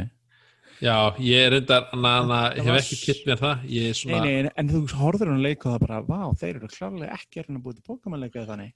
Nei, ég. Þetta, En það er ef þeir eru að reyna að gera eitthvað svona breyta þessi Nintendo, eða, Nintendo Pokémon leikinni hafa bara verið eins bara frá upphafi. Já, að þeir eru svona Pokémon þeir eru svona þeir reyna að fara, fara svona breyta formúlunni, bara eins og Pokémon leikur svona, fara svona aðeins svona. Um, þannig hefur ekki hillað með þannig sem ég fyrst svona, ég veit ekki náttúrulega vasaskrimslina Pokémon er ákveðin svona iconic hérna, skrimsli sem er svona aldrei haft neitt náhuga fyrir þessu en, En, ég, ég skila þetta sér vinsalt en þeir, en, en, en viðst, Tentem, viðst, það var, það var ekkert eitthvað sem greið með þar en Nei, nei, þetta var bara svona, þú veist, hei, þú langar að spila Pokémon tegundaleik en átt ekki um svo Er- þá er svo það-. Er það að spila Pokémon hérna mobile leikin? Uh, nei, Go, Já, Nei, heyrðu, nei, nei, ég hætti það er bara búið. ég, stundum ég, strákur minn. hann, er, hann hefur aldrei jafn, stór og hann er núna sko, það er, hann er alltaf stór Aha, já, já. ok. Að ég Þetta, þetta æðir einhvern veginn búin á Íslandi, ég sakna þess að sjá hópa hangandi Já. á skrýtnum stöðum Ef að þú segir einhverja hóp á skrýtnum stöðnum þá er reyndar löðruglun og þeir sko. þetta er interneti orðið núna, þetta er alveg Discord rás, hún er risastór og það er fólk er að hópa sér saman ákveðin stuðust, það er ekki verið eitthvað leitið til á personum, eða fattur heldur er að hópa nýra samanist þarna, skýr fattur það Já, já, já. þannig að hún er frekar uh, stór, já, shoutout á, á Discord rás en að Pokémon Go Iceland eða hvað þetta er. Það kom líka svo flottu orði á tölvuleikin þegar það var þessi stereotypa já, þeir hanga bara inni alla daginn og festast Já, við já, eh, stólana. En þarna var bara eitthvað allt í einu einhverju tölvuleikjaspilar bara farin út að hlaupa eða hérna, fara okkur að staði og sækja Já, lappa og segja sig. Svo kom COVID og allir, kom inn að spila aftur. Nei, nei. Vi, við sem höfum aldrei fór út þar komið inn aftur til okkar. Það er örugt En en að, já, uh, hún var frekar svona eins og sé, það var, maður, all, maður, maður alltaf býðið til, hana, við fengum að vita hver er ekki PlayStation 5 titlar eða Já, PlayStation 5 sem leikir sem voru staðfistir En við erum alltaf bíða eftir því bara, þannig að þetta var svona nýkynning, það var engin stór Sony titlir. Þeir byrjuðu síðan skondið, mjög aðeins ákveðið byrjuð, byrjuðu að krespandi eitthvað fjögur. Þetta er reyndar eins og þeir byrjuðu kynninguna síðast á GTA 5 og bara. Ég, ég get alveg, ég get alveg þetta, þetta var skarra en það sko, GTA ég 5 get, kynningin ég mun kaupa krassbandinga nýja. að- Já, já, ég bara segi það var miklu betur en þegar þau kynnti 5. þannig að Já, það- var alltaf bara ölsikadæmi, sko. En já, en sko, mér fannst Bandicoot síðasti, það var mjög vel gerð endurgerðna, bæðið Crash og Spyro, það er klálega Activision ætlaði sér að fríska upp og báða seriðinni, ég ég myndi veðja stórum peninga og við fóum Spyro leikur næsta ári. Uh, já, það verður við ekki ósynlegt, ég meina sko. gaman, þeir eru búin að gefa út safna báðum leikjónum, þessir að fá leik, ég ef að það hitt hefur selst nógu vel líka, þá já, Það er alveg veðið að vera komin í nákvæmlega. spæraleikur. Ég myndi fínt, eins og lítur okkur út, verðist það vel gerður, vonandi leikar ekki sama óþekka bræðið og gera með Crash Team Racing endurgerðina að patcha inn í microtransaction eftir að leikurinn er búin að koma út og fá gaggrinni og lauma. Það var ógeðsfælt, fannst mér hvað Activision gerði þá. Og þegar ég tók ekki fram treinlega að vera, ekki svo lis. Já, en ég bara segja að þetta gerði, ég bara, maður vil, sko þegar Activision á sögu, þá er ég alltaf marg. Sko. Þeir eru alræmdir fyrir alls konar skýra. Eh, ég var spenntur að sjá aftur á móti, sorry, uh, Control-leikurinn sem kom út fyrir árnu, sem ég, finnst mér skemmtilegur, uh, er að fá áframhaldandi aukahefni og núna er Remedy, finnska fyrirtæki, að koma með uh, aukapakkan úr tvö sem heitir, kallar A og hann er einmitt blanda saman heima Control og Alan Wake Mhm. Ok, Alan Wake er einn uppáhaldsleikur minn ever, sko. og það ættir að kíkja á expansion Hann var, á Xbox. Yep. og síðan á gagnrýndi PC. þú ekki Control-stinnar? Jú, og ég var ekki sánað með hann. Nei, En en, það er er, expansion, gaman, já. já, það er að koma inn í ágúst og frítt update líka og fleira og Já, það er ennslega að sjá hvað er að gera sko. sko. 27. ágúst En, en hann var eitthvað, sko, var, var hann hennar kontról þannig hjá ykkur, hann var mikið að hyggsta og það var að sk- skemma eitthvað, það. ég er búin að spila hann á Þeir eru kannski búin að patsa það núna. já, þeir eru búin að dölja að hann en ég er búin að spila hann bæði á PlayStation 4 Pro og Xbox One X.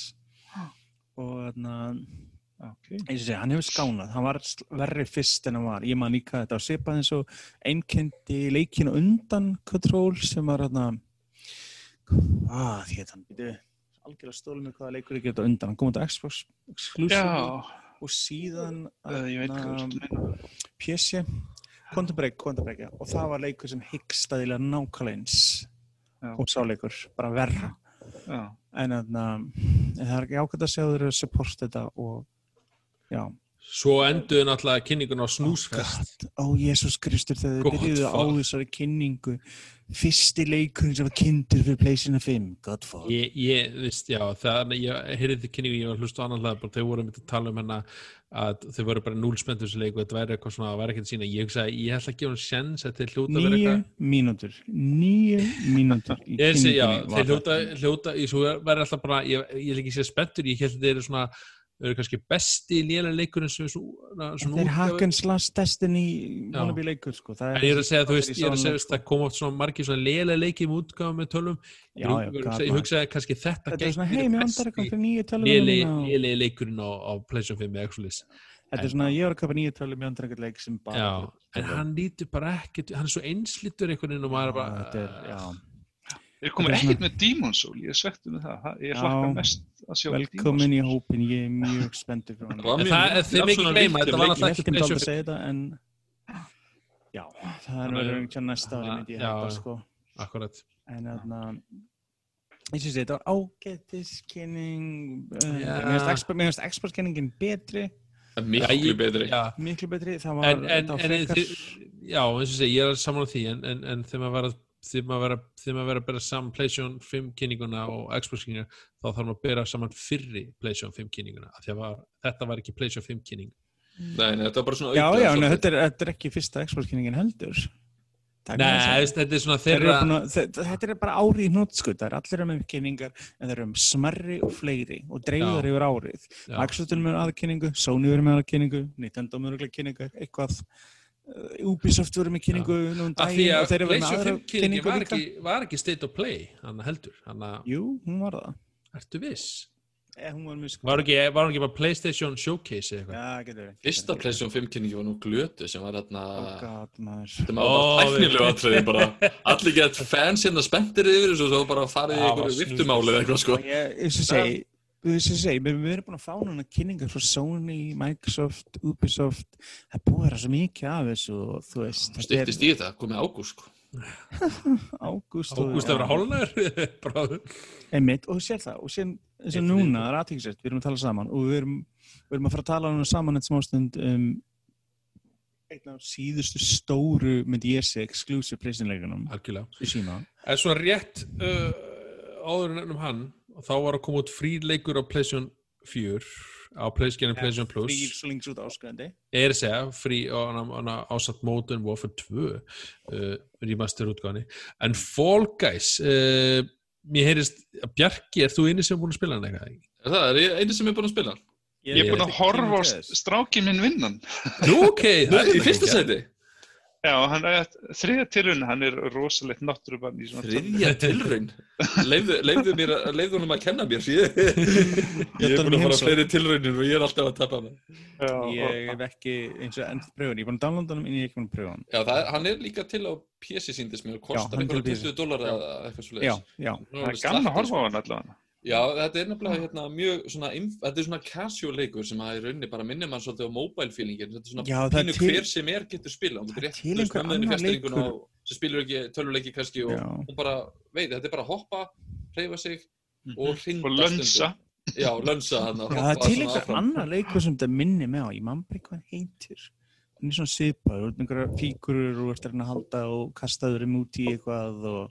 Já, það sem- já, þú byrjar sér sett í 60 manna hópi, þetta er þess að þú ert að spila við aðra á, í gegnum neti í tíma. Battle Royale maður. Já, og þá, þá eru tvær leiðir, annarkvort er þetta svona eitthvað svona reis yfirleitt sem er þá fyrstu, byrja 60 kannski og fyrstu 40 komast áfram og þá eru þeir 20 sem að vera eftir.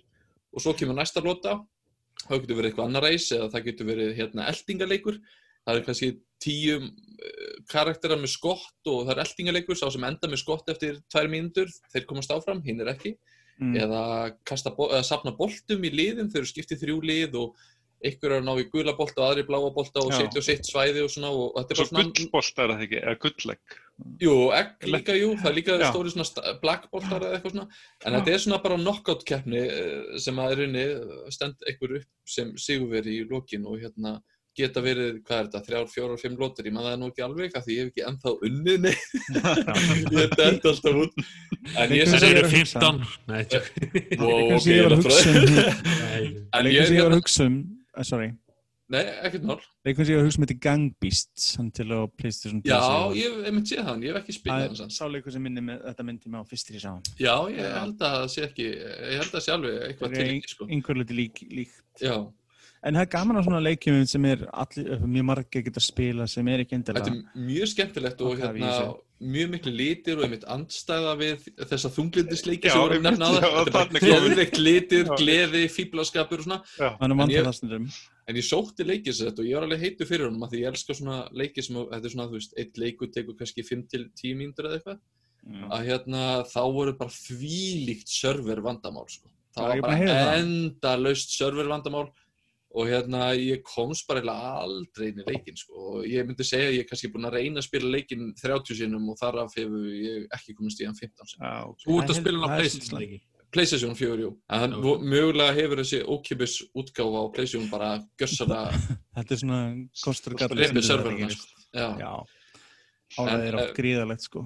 Alveg mikið með þessu sko, þetta er bara mjög skemmtilegu leikur, ég veit ekki alveg hvort ég myndi borga 20 dólarar fyrir hann, ég er ekki Já. alveg þar sko en þetta Nei, er eins og segi, er mitt, uh, þetta vinnur mann eins og ég segi þegar Rocket League kom út, ég mann eftir að mynda að pröfa Rocket League rétt að áður en hann varð á PlayStation Plus leik. Mm. Og er mitt aðtíks þetta, mitt sáleikur, síðan með sinn, er að mynda bara að vera free to play. Rocket Já, League. já, það er rétt þér Það styttist í það. Eitt sem að mér fannst nefnilega svolítið leiðilegt með Fallout, það er hérna, ég ætla að segja Fallout guys Fallout guys. Hérna, Ný Fall- leikurinn Fall frá Bjarka, Follow Guys. að það er hérna, ég, það hefði verið geðveikt að vera eitt að vera með eitthvað lokal eitthvað lokalspilum, ég geti verið með félagin minn í sófanum hérna og við getum verið tvö saman að spila Það er svo ok. að það vantaði svolítið Ég get komið tengingu núna, hérna, Cuphead var að koma á PlayStation Já, 4 núna. það Ég hef ekki, upplifað hann. Hann, Hann var er- annað.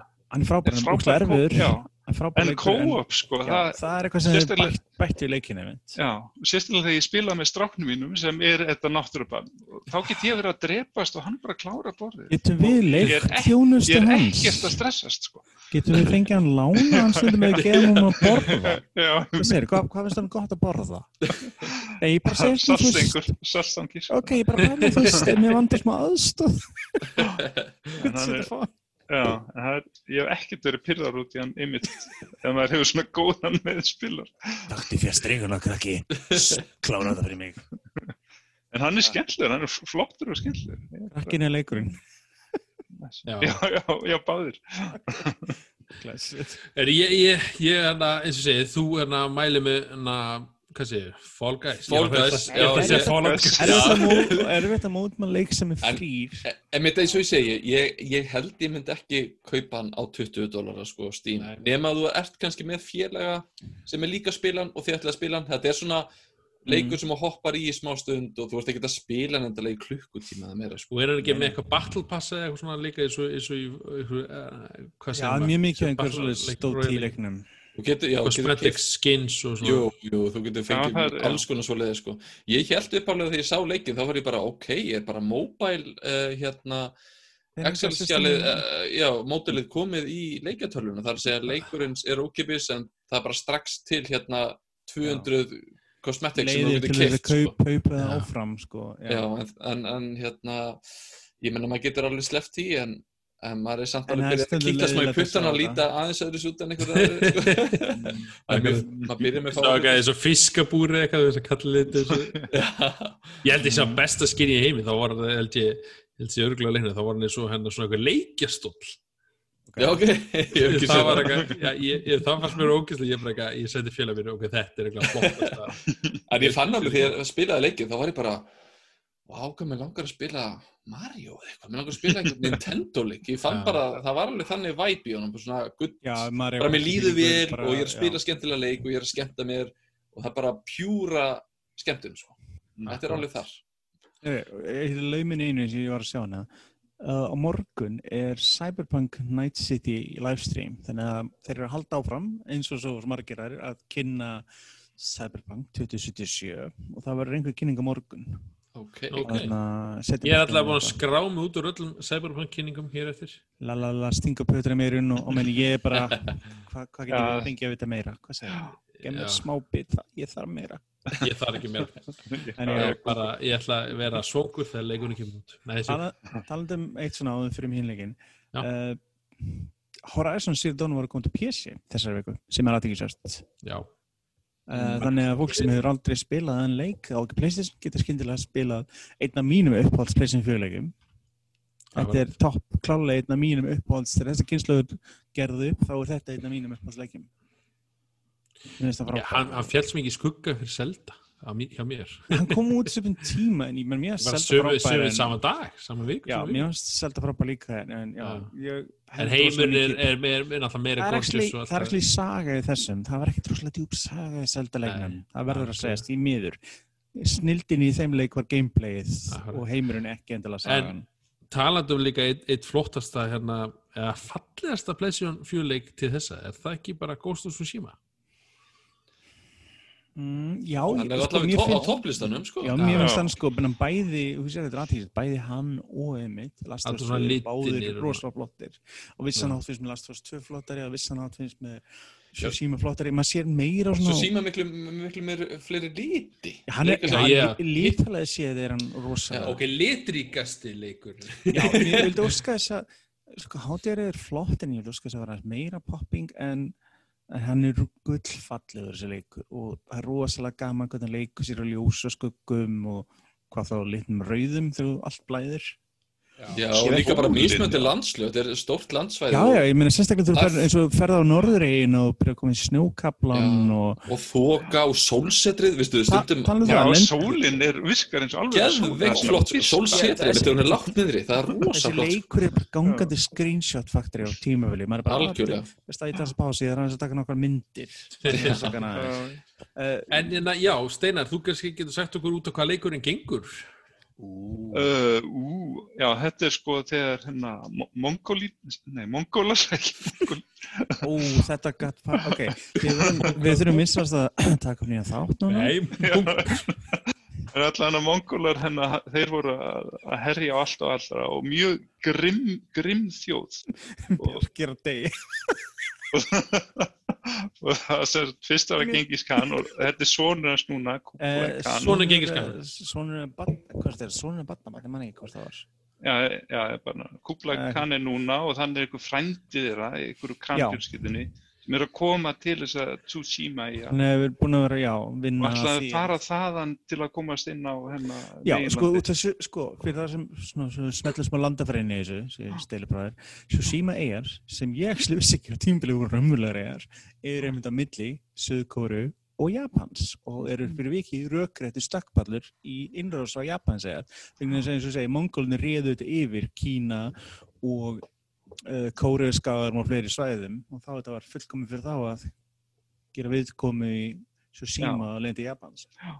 og ég skil ekki, sko, veist, allir eru búin að vera að nota nasist og svo leiðis leikjum sínum Mongólar voru fyrstu nasistan, þeir voru alveg ríkalega grimmir og drápa svona. mjög skildu Ekki rosalega mikið af Já. fólki. Er ekki bara, við, bara allt og lítið svona asjumenning í leikjum einhvern svona, eins og- Jú, það er nefnilega sem er skemmtilegt finnst mér við leikinn, það er þetta sögursvið og tímabil, þetta er ekkert, þú veist, setni heimstyröldin og nasistar, þetta er bara við erum búin að spila svo marga leiki sko, þetta er eins og En sumt Samurai Japan, það er Sko, geðveikt, sko. sko, þessi, hefði haldið að Assassin's Creed væri búin að afgjöra þetta en ég man einmitt, það sem sko, þetta drauma Assassin's leikurinn minn var alltaf Egyptaland sem ég loksast búin að fá og Samurai sem ég er ennþá býð eftir ég var gladur á vikinga næst en ég vildi meira på Samurai Mhm.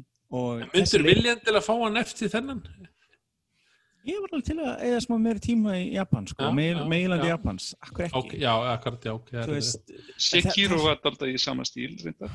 Sekiro var kvikindislega erfið ég veit ekki hvernig hann lítur út ég komst ekkert svo langt tíma eins og margar aðrir Ha?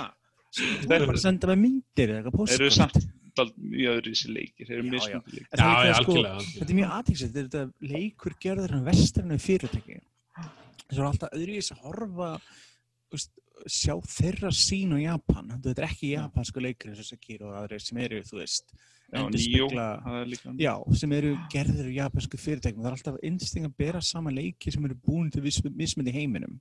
Og sérstaklega, þetta er eins og þegar þú sér Evrost fyrirtæki búið til leik sem gerist í bandarækjum, eða eitthvað slags. Það er skondið að sjá þetta og, en samt við verðum að segja þetta, þau tekist eitthvað vel upp sko, og Japan er hrifnur og Japan er leik og það finnst mér rosalega góður mælikvarði ef að Japan er hrifið þessu leik. Mér finnst ekki algjört möst að spila þennan leika á, með hérna, japanskri Það talsett. er svo Ég, ég ger það, svekkjandi. ég ger það. Sko, Mér, ég vildi bara að, að, að, að, að hérna, munnhreyfingin væri Já, takt við þann. það það eru svekkar Já. sem mitt. Ef að ratthreyfingarnar pössuðu saman við munnhreyfingarnar, þá væri bara þessi leikur bara automatic Japan allavega sko. Já. Uh, En hérna, já, og, og spilun leiksins, við, við vorum ekki alveg búin að lýsa samt hérna hver þessi gaur er. Hérna, Jin, já, það er- nei, þú ert Jin sem sagt, sem hérna lifði af fyrstu innrásunar frá sem og frændiðin sem er ykkur hérna, hvað er hann? Hann er hérastjóri eða eitthvað? já, getur sett Já. hérastjóri, já, hann er hérastjóri eigina fyrir Já, sjó- hann, hann er handtekinn og, og svo ert þú bara eini samúræðin skilin já. eftir að deyja fyrst og sem hérna á, á sénsi að bjarga málunum sko. Og þú þarft að fara, já, þarft að fara svolítið erfiða leiði kannski svona einmitt af því þú ert einn og þarft að finna Já. nýja leiðir svona og læra nýja leiðir.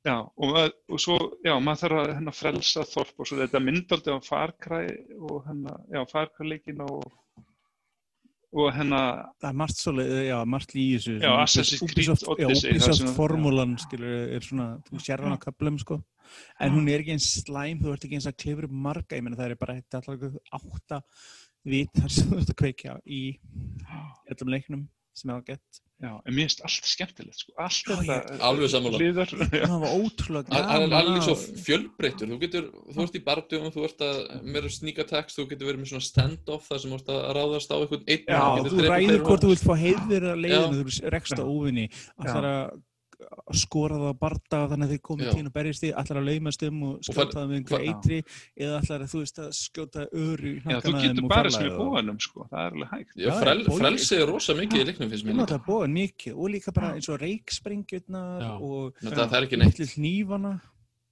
Ég hérna, Já, ég ég, nota hnífuna. ég hef ekki spilað mikið eh, að því Paper Mario og ég bara hef ekki haft tíma. Um, þið kannski getið na, na, kannski staðfesta að, að veðurkerfið ræðstu það hvernig þú spila leikin en á það að hafa áhrif hvort þú spilar heyrur við hann hátt eða ekki þá er meiri svona- stormar ef þú ert ekki að spila sem sannur samurai þá Já. er meiri stormar á eiginni þá fyrir ofta Ú, svona ég vissi fyrir- það ekki. Nei, ég vissi það ekki að ef þið voru kvarti við svaka þurfum verið þá voru þið bara að þið voru skúr Það er enda Ah. eitt ókslega flott quest en að hlýðarquestanum með mitt eitt sem gerist í, í þrjumustormin. Þú ert að leita af einhverju barda stíl og það snýst alltaf eldingar Já, ok. og gerir þetta með því þá þrýtingin og ringin, þú er búin að fá þetta það bara skýstum og Já, ég mynd eitthvað, já. síðan aftur með annað sem er hliðað þetta með sem ég veist setna mér, örgulega 2-3 pluta leiksinn, þá ferðu einmitt að gera svona sidequest og þá getur þið fengið mögulegan að kveika í sverðineginu eins og við séum ungólan að gera stundum Já, Mm. það er ógislega gaman að fara í gegnum bardagana, kveiki í sverðinu og bara berjast í Það- það það er ótrúlega, þú fara ótrúlega gott tilfinning, það er ofta gaman að berjast í leiknum ég var fyrst ógislega og brenna fólk. Já, ok, rólegur, ég löggan er að koma heimsöguna eftir að segja, ok. En það var rosalega gaman, sko, ég var fyrst helt ég er pyrraður meira og það var ekkert neitt lock-on system í leiknum, maður getur ekki festið og Já, ég það. En maður skilur að vegna þess að þetta áver ákveð svona samuræ, víst, ég er búin að lesa eitthvað viðtöl og þeir svona útskýra af hverju, ég get skilja. Einu vandamann að að flækjast fyrir eða hlutir í umhverfinu þegar myndalinn, til þess að þú ætlar að fara í eitthvað En það er mjög auðvelt að nota bara hinn flipan og bara svissa myndavélina þess. Já, en til þess að þú ætlar að fara í einví og þú ætlar að standa og býða eftir gaurinum en myndalinn er fest á einhverju tré Ó, og þú ert ok. alltaf bara og þú ert svoleiðis. að- og að hlusta í leið hvernig gaurin kemur svo getur náða honum og Í, En- er þetta er rosalega sjálf, þetta er svona, þetta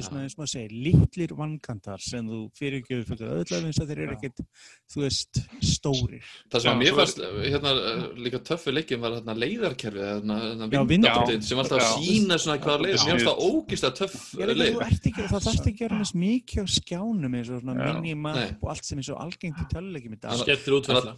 Já, þannig að til að vita í rauninni hvert Já, ég þú átt nota að fara í leiknum að já. þá, þá, þá, þá maður að fylgja vindáttinu og þannig Já. leysir uh, leikurinn mínimappið af, Já, getur láta þetta, til að- síðan setja mig til að láta það vísa á vissa hluti og síðan Já. líka eru fuglar og refir sem geta hjálpað þér að finna vissa hluti. Já, Já. sem er aðtækist líka og síðan hvernig þið nota reikinn til þess að gefa til kynna staði Já, án þess að þú veist svo Travel is skýr líka sem eitthvað á að, já, að það mest og þeir eru með uppferðu núna í Pats 1.6 þannig að það er betra Mér vantar, það vantar eitt í einn leik. Þú veist að nota hennar þrenskona mismundi græður sko, eitt til að sníka og eitt til að Já, það vantar ekki að vera með loadouts. Það, Já, já, það, já. Sko, það er, ef sko visslistinu fólki, hvað það vill fá í uppfæslu fyrir leikin, það er New Game Plus og það er þetta. Meðal annars, og það geta sínkopn að spila mikið. Hvað ég var sagt, það get ekki séð það. Ég finnst svo gaman að sjá hvað ég er búin að spila mikið leikin. Sérstaklega núna þegar ég var bara gegn allt saman og platimann, mér langar að sjá hvað ég var í, veist, upp á staðið. Sko. Það vantar bara hjá Sony, Þeir eru ekki góðir, stundum sér stendur þetta í seifininu, stundum þetta í leiknum. Þetta ætti að vera svo auðvelt að græja. Þetta er svo... Seriously. Ég skil ekki hennar fyrirleik. Þetta er gallin, er sem er Sony, þeir eru ekki með einhverja staðla. Microsoft til dæmis eru mjög góðir með þetta. Sko, Sony veit Alls 100% konar hvað þú ert búin að spila leikin lengi, sko. Já, þeir geta sagt þetta allt saman, en þeir bara eru ekki að sína þér þetta. Nintendo, ég get alltaf sé bara flett yfir að Switchi mér, það segir bara að þú bara spila hennar leik leiki. Já, en eins og sé, það er, eins og sé, hann er gríðarlega fjölbreyttur, hann finnst mér. Hann leifir að spila svolítið mikið eftir hvernig þín. Einu gallin er, þú færði í lengan önnu vopn, þú ert með sverðin tvö litla stóra og síðan ertu með boga, en þú Já. getur ekki notað, þú getur ekki pikkað upp þess óvinn. allt í Þú getur ekki já.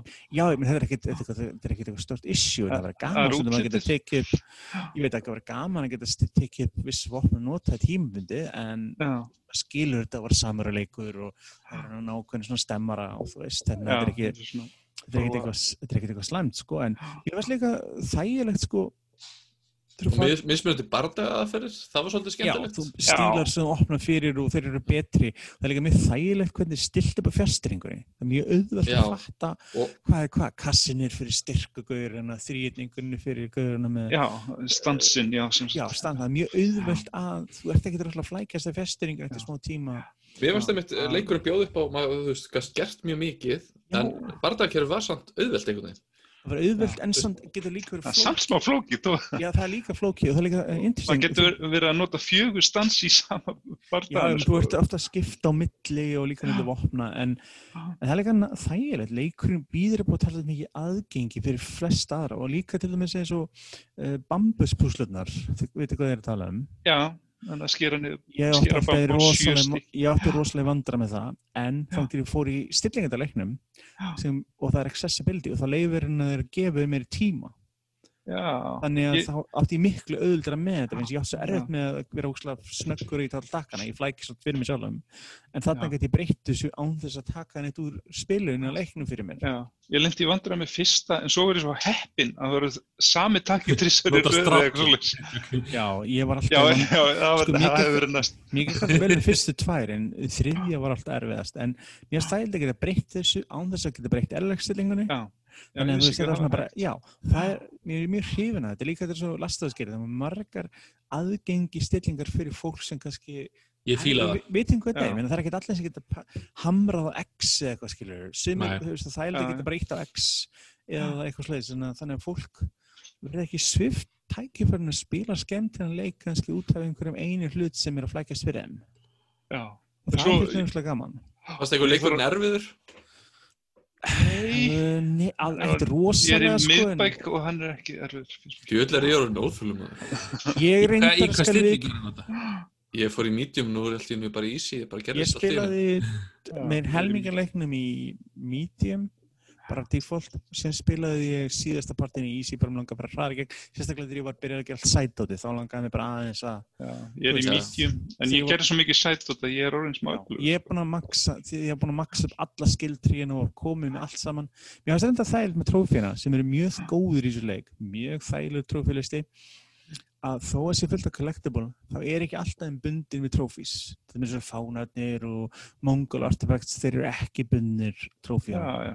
Þannig að þú þarfst ekki að gera það frekar þú vilt en það er gaman að ná þessu og finna staði, alveg ég var að leita þannig að eitt trófi fyrir þarna tengdu Sly Cooper og það er að finna fötinn sem tengist í Ha, Ok. það er eitthvað kúl þá finnur þú armur sem er á lítinn og svona býr til svona smá Sly Cooper feeling. En það er ekkert erfitt að ná þessu það er bara, það er bara meira svona gaman fyrir fans. Alveg svo þú búið með leikin og farið smá tilvísanir í eldri leikina frá þessu fyrirtæki En hennar leikurinn, finnst, hvernig finnst ykkur hann, sko? Leikarnir og motion capture og andlitin. það er bara verið það sem ég rosalega. segi Mér, Þetta er bara mér, svona venjulegt fólk, þetta er ekki einhver mótel, sko. sko, mér, sem, mér fannst þarna motion capture, mér fannst þau geðvett flott þegar þetta var í rauninni, þau voru í hérna status samurai, það er að segja að þau voru ekki að sína mikla andlits uh, ekki einhverja tilfinningar heldur voru bara meira svona eins og robotar þá, eins og Já. samuræir eru bara svona ég er ekki að sína tilfinningarna mín að- að þá og fannst mér rosa flottir en, en svo þegar ég sá þau fara Mhm. kannski gráta eða hlæja þá var ég pínum bara það ofta ertu psycho eða hvað er leikur ekki með þig hérna? Það er þessi uncanny valley í tölvuleikjum og bíamöndum og svona CGI sem hefur alltaf verið erfir ákveðni tilfinningar miklu flottar í Last of Us til dæmis það sko. þetta en sáleikur græðir að hann er ekki eins opinn, svo þetta er alltaf Ghost of Tsushima var í lokæri leikur sem er mér nýttmeri, þá gætir ég með gert meira úr vissum grafíku, sem maður þarf alltaf að maður gerir sér geim þegar maður spila leikir.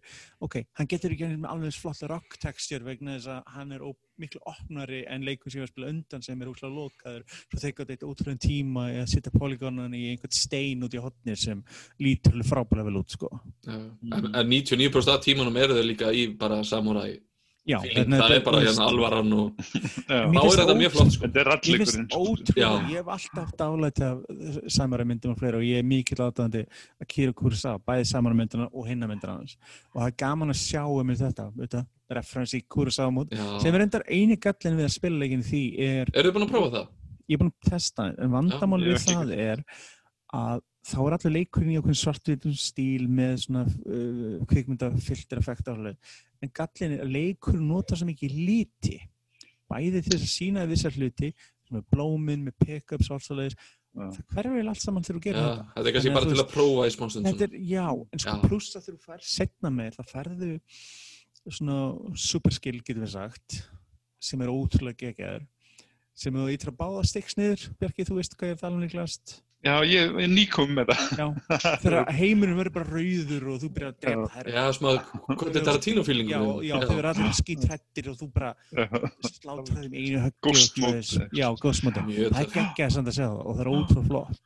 Og þannig að en ég er búin að hafa ótrúlega gaman það er bara Sammála. umfram allt það sem ég segi ég er búin að hafa ótrúlega gaman að spila leikin 20 klukkutímar er bara fljót, fljótur að líða í þessum leik sko. 30 Já. mér sko, 30, Já. mér langar svo ég verður örugglega 30-35 sko Að klára leikinn? Ég, bara allt saman sko bara, Já, veist, ég var aldrei, að ég, ég lengur tók ég öll, ég er búið með öll questin leiknum ég er literally búin með leikin þess vegna vildi ég óska þess að gefa út eitthvað meira vegna þess að mér langar að halda áfram. Ég tekni þessi bara, jú ég get farið að halda áfram að drepa mongol og eitthvað svona óvinni og þjófa eitthvað svoleiðis, en, en ég er búið með allt content leikurinn er að bjóða þess að já. en ég er mjög sáttur, ég meina hann er alveg að mínum að klálega peningana virði og klálega ferra mínum krónu sko. já. einn af betri leikjum ásins mér finnst hann 100% alveg að skilið að vera settur upp með landstaflöri sem einn af leikjum ásins hinga til ég held að það sé og höfum við hugsað tilbaka mér, mér finnst þetta svo veistu, það, við erum að horfa upp á endalok kynnslóðar pleysin 4 og við erum að horfa upp á byrjun pleysin 5 hvernig það byrjar og vonandi á þessu ári og ég finnst þetta svo skemmtileg meni, jú, það heitir að koma fleiri pleysin 4 leikir en mér er samt þessi og lasta þess rosalega sterkur svanasöngur uh, tölvunar Akkurat, þetta er svona síðustu, er ef ekki síðustu leikinn það er frá Sony. Já, þetta er alltaf í lókin þegar þeir eru búin að ná tökum á hardurinu og safturinu og eru ná að kreista ótrúlega mikið úrvílunum. Það er oft, ég menna, bara minni God of War leikin á PlayStation 2 bera það saman við leikinu þegar 2 komið fyrst stökkið og alveg svo PlayStation 3 Mikið ég rétt. menna ótrúlega þú að sjá þessa leiki. Þannig að að- gera? Þannig að þið hérna myndi, eins og segið, mæli með Ghost uh, án Eva Ok. ekki einu Ég held að þetta vafa miklu- einmitt eins og með hérna eh, Last of Us 2 það er svona umdeilt hitt og Það þetta. Ég held að þessi það sé bara sko, null umdeilt þetta er bara sko, awesome Last of leikur fyrir alla Last of Us er frábær leikur en hann, hann er pínu divisive og hann hittir við vissmynda fólk og það er ákveðin við hluti við hann sem fólk mun elska og ekki elska. En þess að auðvitað mæli með Shishima hann er Já, bara, þú, gaman samurai þú getur verið hasar? rosalega hefur badass. gaman að opna heil leik berjast, skoða og ég verð að segja það hlýðarverkefnin, ég mæli með að þú spilir þau hlýðarsögurnar bæði persóna sem eru að hjálpa þér og síðan önnu verkefni. Suma bestu köplum leiksins fannst mér voru í því bestu Já. sögumómentin Já, Þetta er eins maður og gleymir þegar- alveg aðalsöðun. þetta er eins og, það var reynda að vera hluti aðsögn eins og þegar hann fer heim til sín Jin fer heim til sín Daniel, haldi fyrir henn, nei hann hittir nei, spoilera. það- Nei, það er engin spoiler. Hann hittir gamla konu sem var vinnandra hann var krakki. Það er ekki spoiler. Já, hann, vera, hann, vera, sem sagt, hann er bara að gera grína meira þegar ég er mikið spóli, spóli frík En það er rosalega gaman og það verkefni sem ég ætla ekki að vera nátt í fannst mér ótrúlega vel gert og ég hefði rosalega gaman það dýpkaði rosalega söguna hans og Já. hennar og mér fannst, æði ekki, svoleiðis hlutar fannst mér virkilega skemmtilegir. En hafið þið spilað með gamla bógamannum, hennar Sensei Já, bógamann?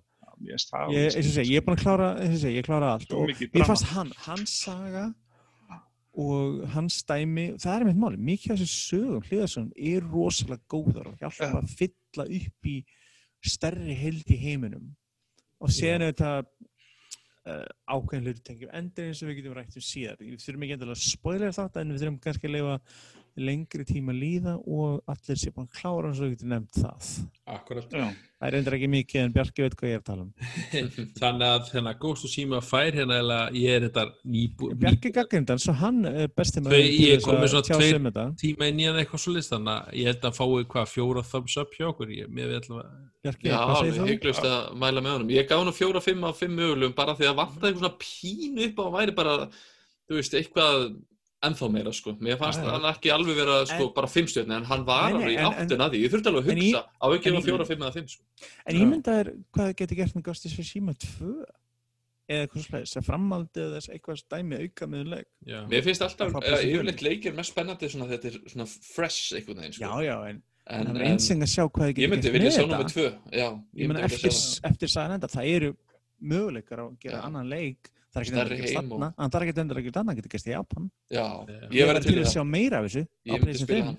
Ég Já. væri til það til dæmis það getur spennandi Herru, þetta, ég segi, Tsushima fær fjóra thumbs up frökkur, við mælum með honum uh, ég held að sé bara koma að loka hjá okkur í dag, við, við fórum að víða völl, rættum um Xbox, Paper Mario uh, PlayStation 4 kynninguna uh, Fall Guys og Ghost of Tsushima. Þetta er bara að byrja fólki ef það fannst eitthvað vanteka umræðan eða vanda einhver umræðan, senda eitthvað skilabóð á Facebook Twitter það er alltaf hægt að tala um helling. Ég ætla að vera með örfrittir en við bara komumst ekki í það. Já, en ég bara segja það er gaman líka að heyra í fólki, þú veist, er það eitthvað sem, þú veist, þeim finnst vanda eða Já, endilega, bara gaman að ég, heyra um ég er veist. bara ef þið eru þessi sem er að ekki sérfræðingur í öllu þó við sem sæmilegir. norður sér á Twitter eða, eða senda okkur skilabóð bara á Facebook og bara þið hafið eitthvað skemmtilega sögur að segja og við getum vonandi takla það við. Ég segi Annars hérna, eins og segja, við erum búin að tala um margt hérna á þessum einum og, þannig að hálfum tíma þannig að ég ætla að þakka fyrir mig bara. Mm, Uh, já, ég, Steinar, virkilega gaman að fá þið þáttinn og vonandi það að verður bara rólegt að gera hér eftir. já, Loksins eru allir já, já, saman þetta er, ég, ég mæti aftur sko. að gegja þannig að- Tala um þannig að- Mortal Shell næst, ég ætla að fá fá að Já, ég, ég er búin að skoða hana aðeins, ég er forðun fyrir honum. geggjað, ég er til það. Heyrðu, ég segi bara blessi billi og bara sjáumst, þannig að, vonandi, eða heyrumst fljótlega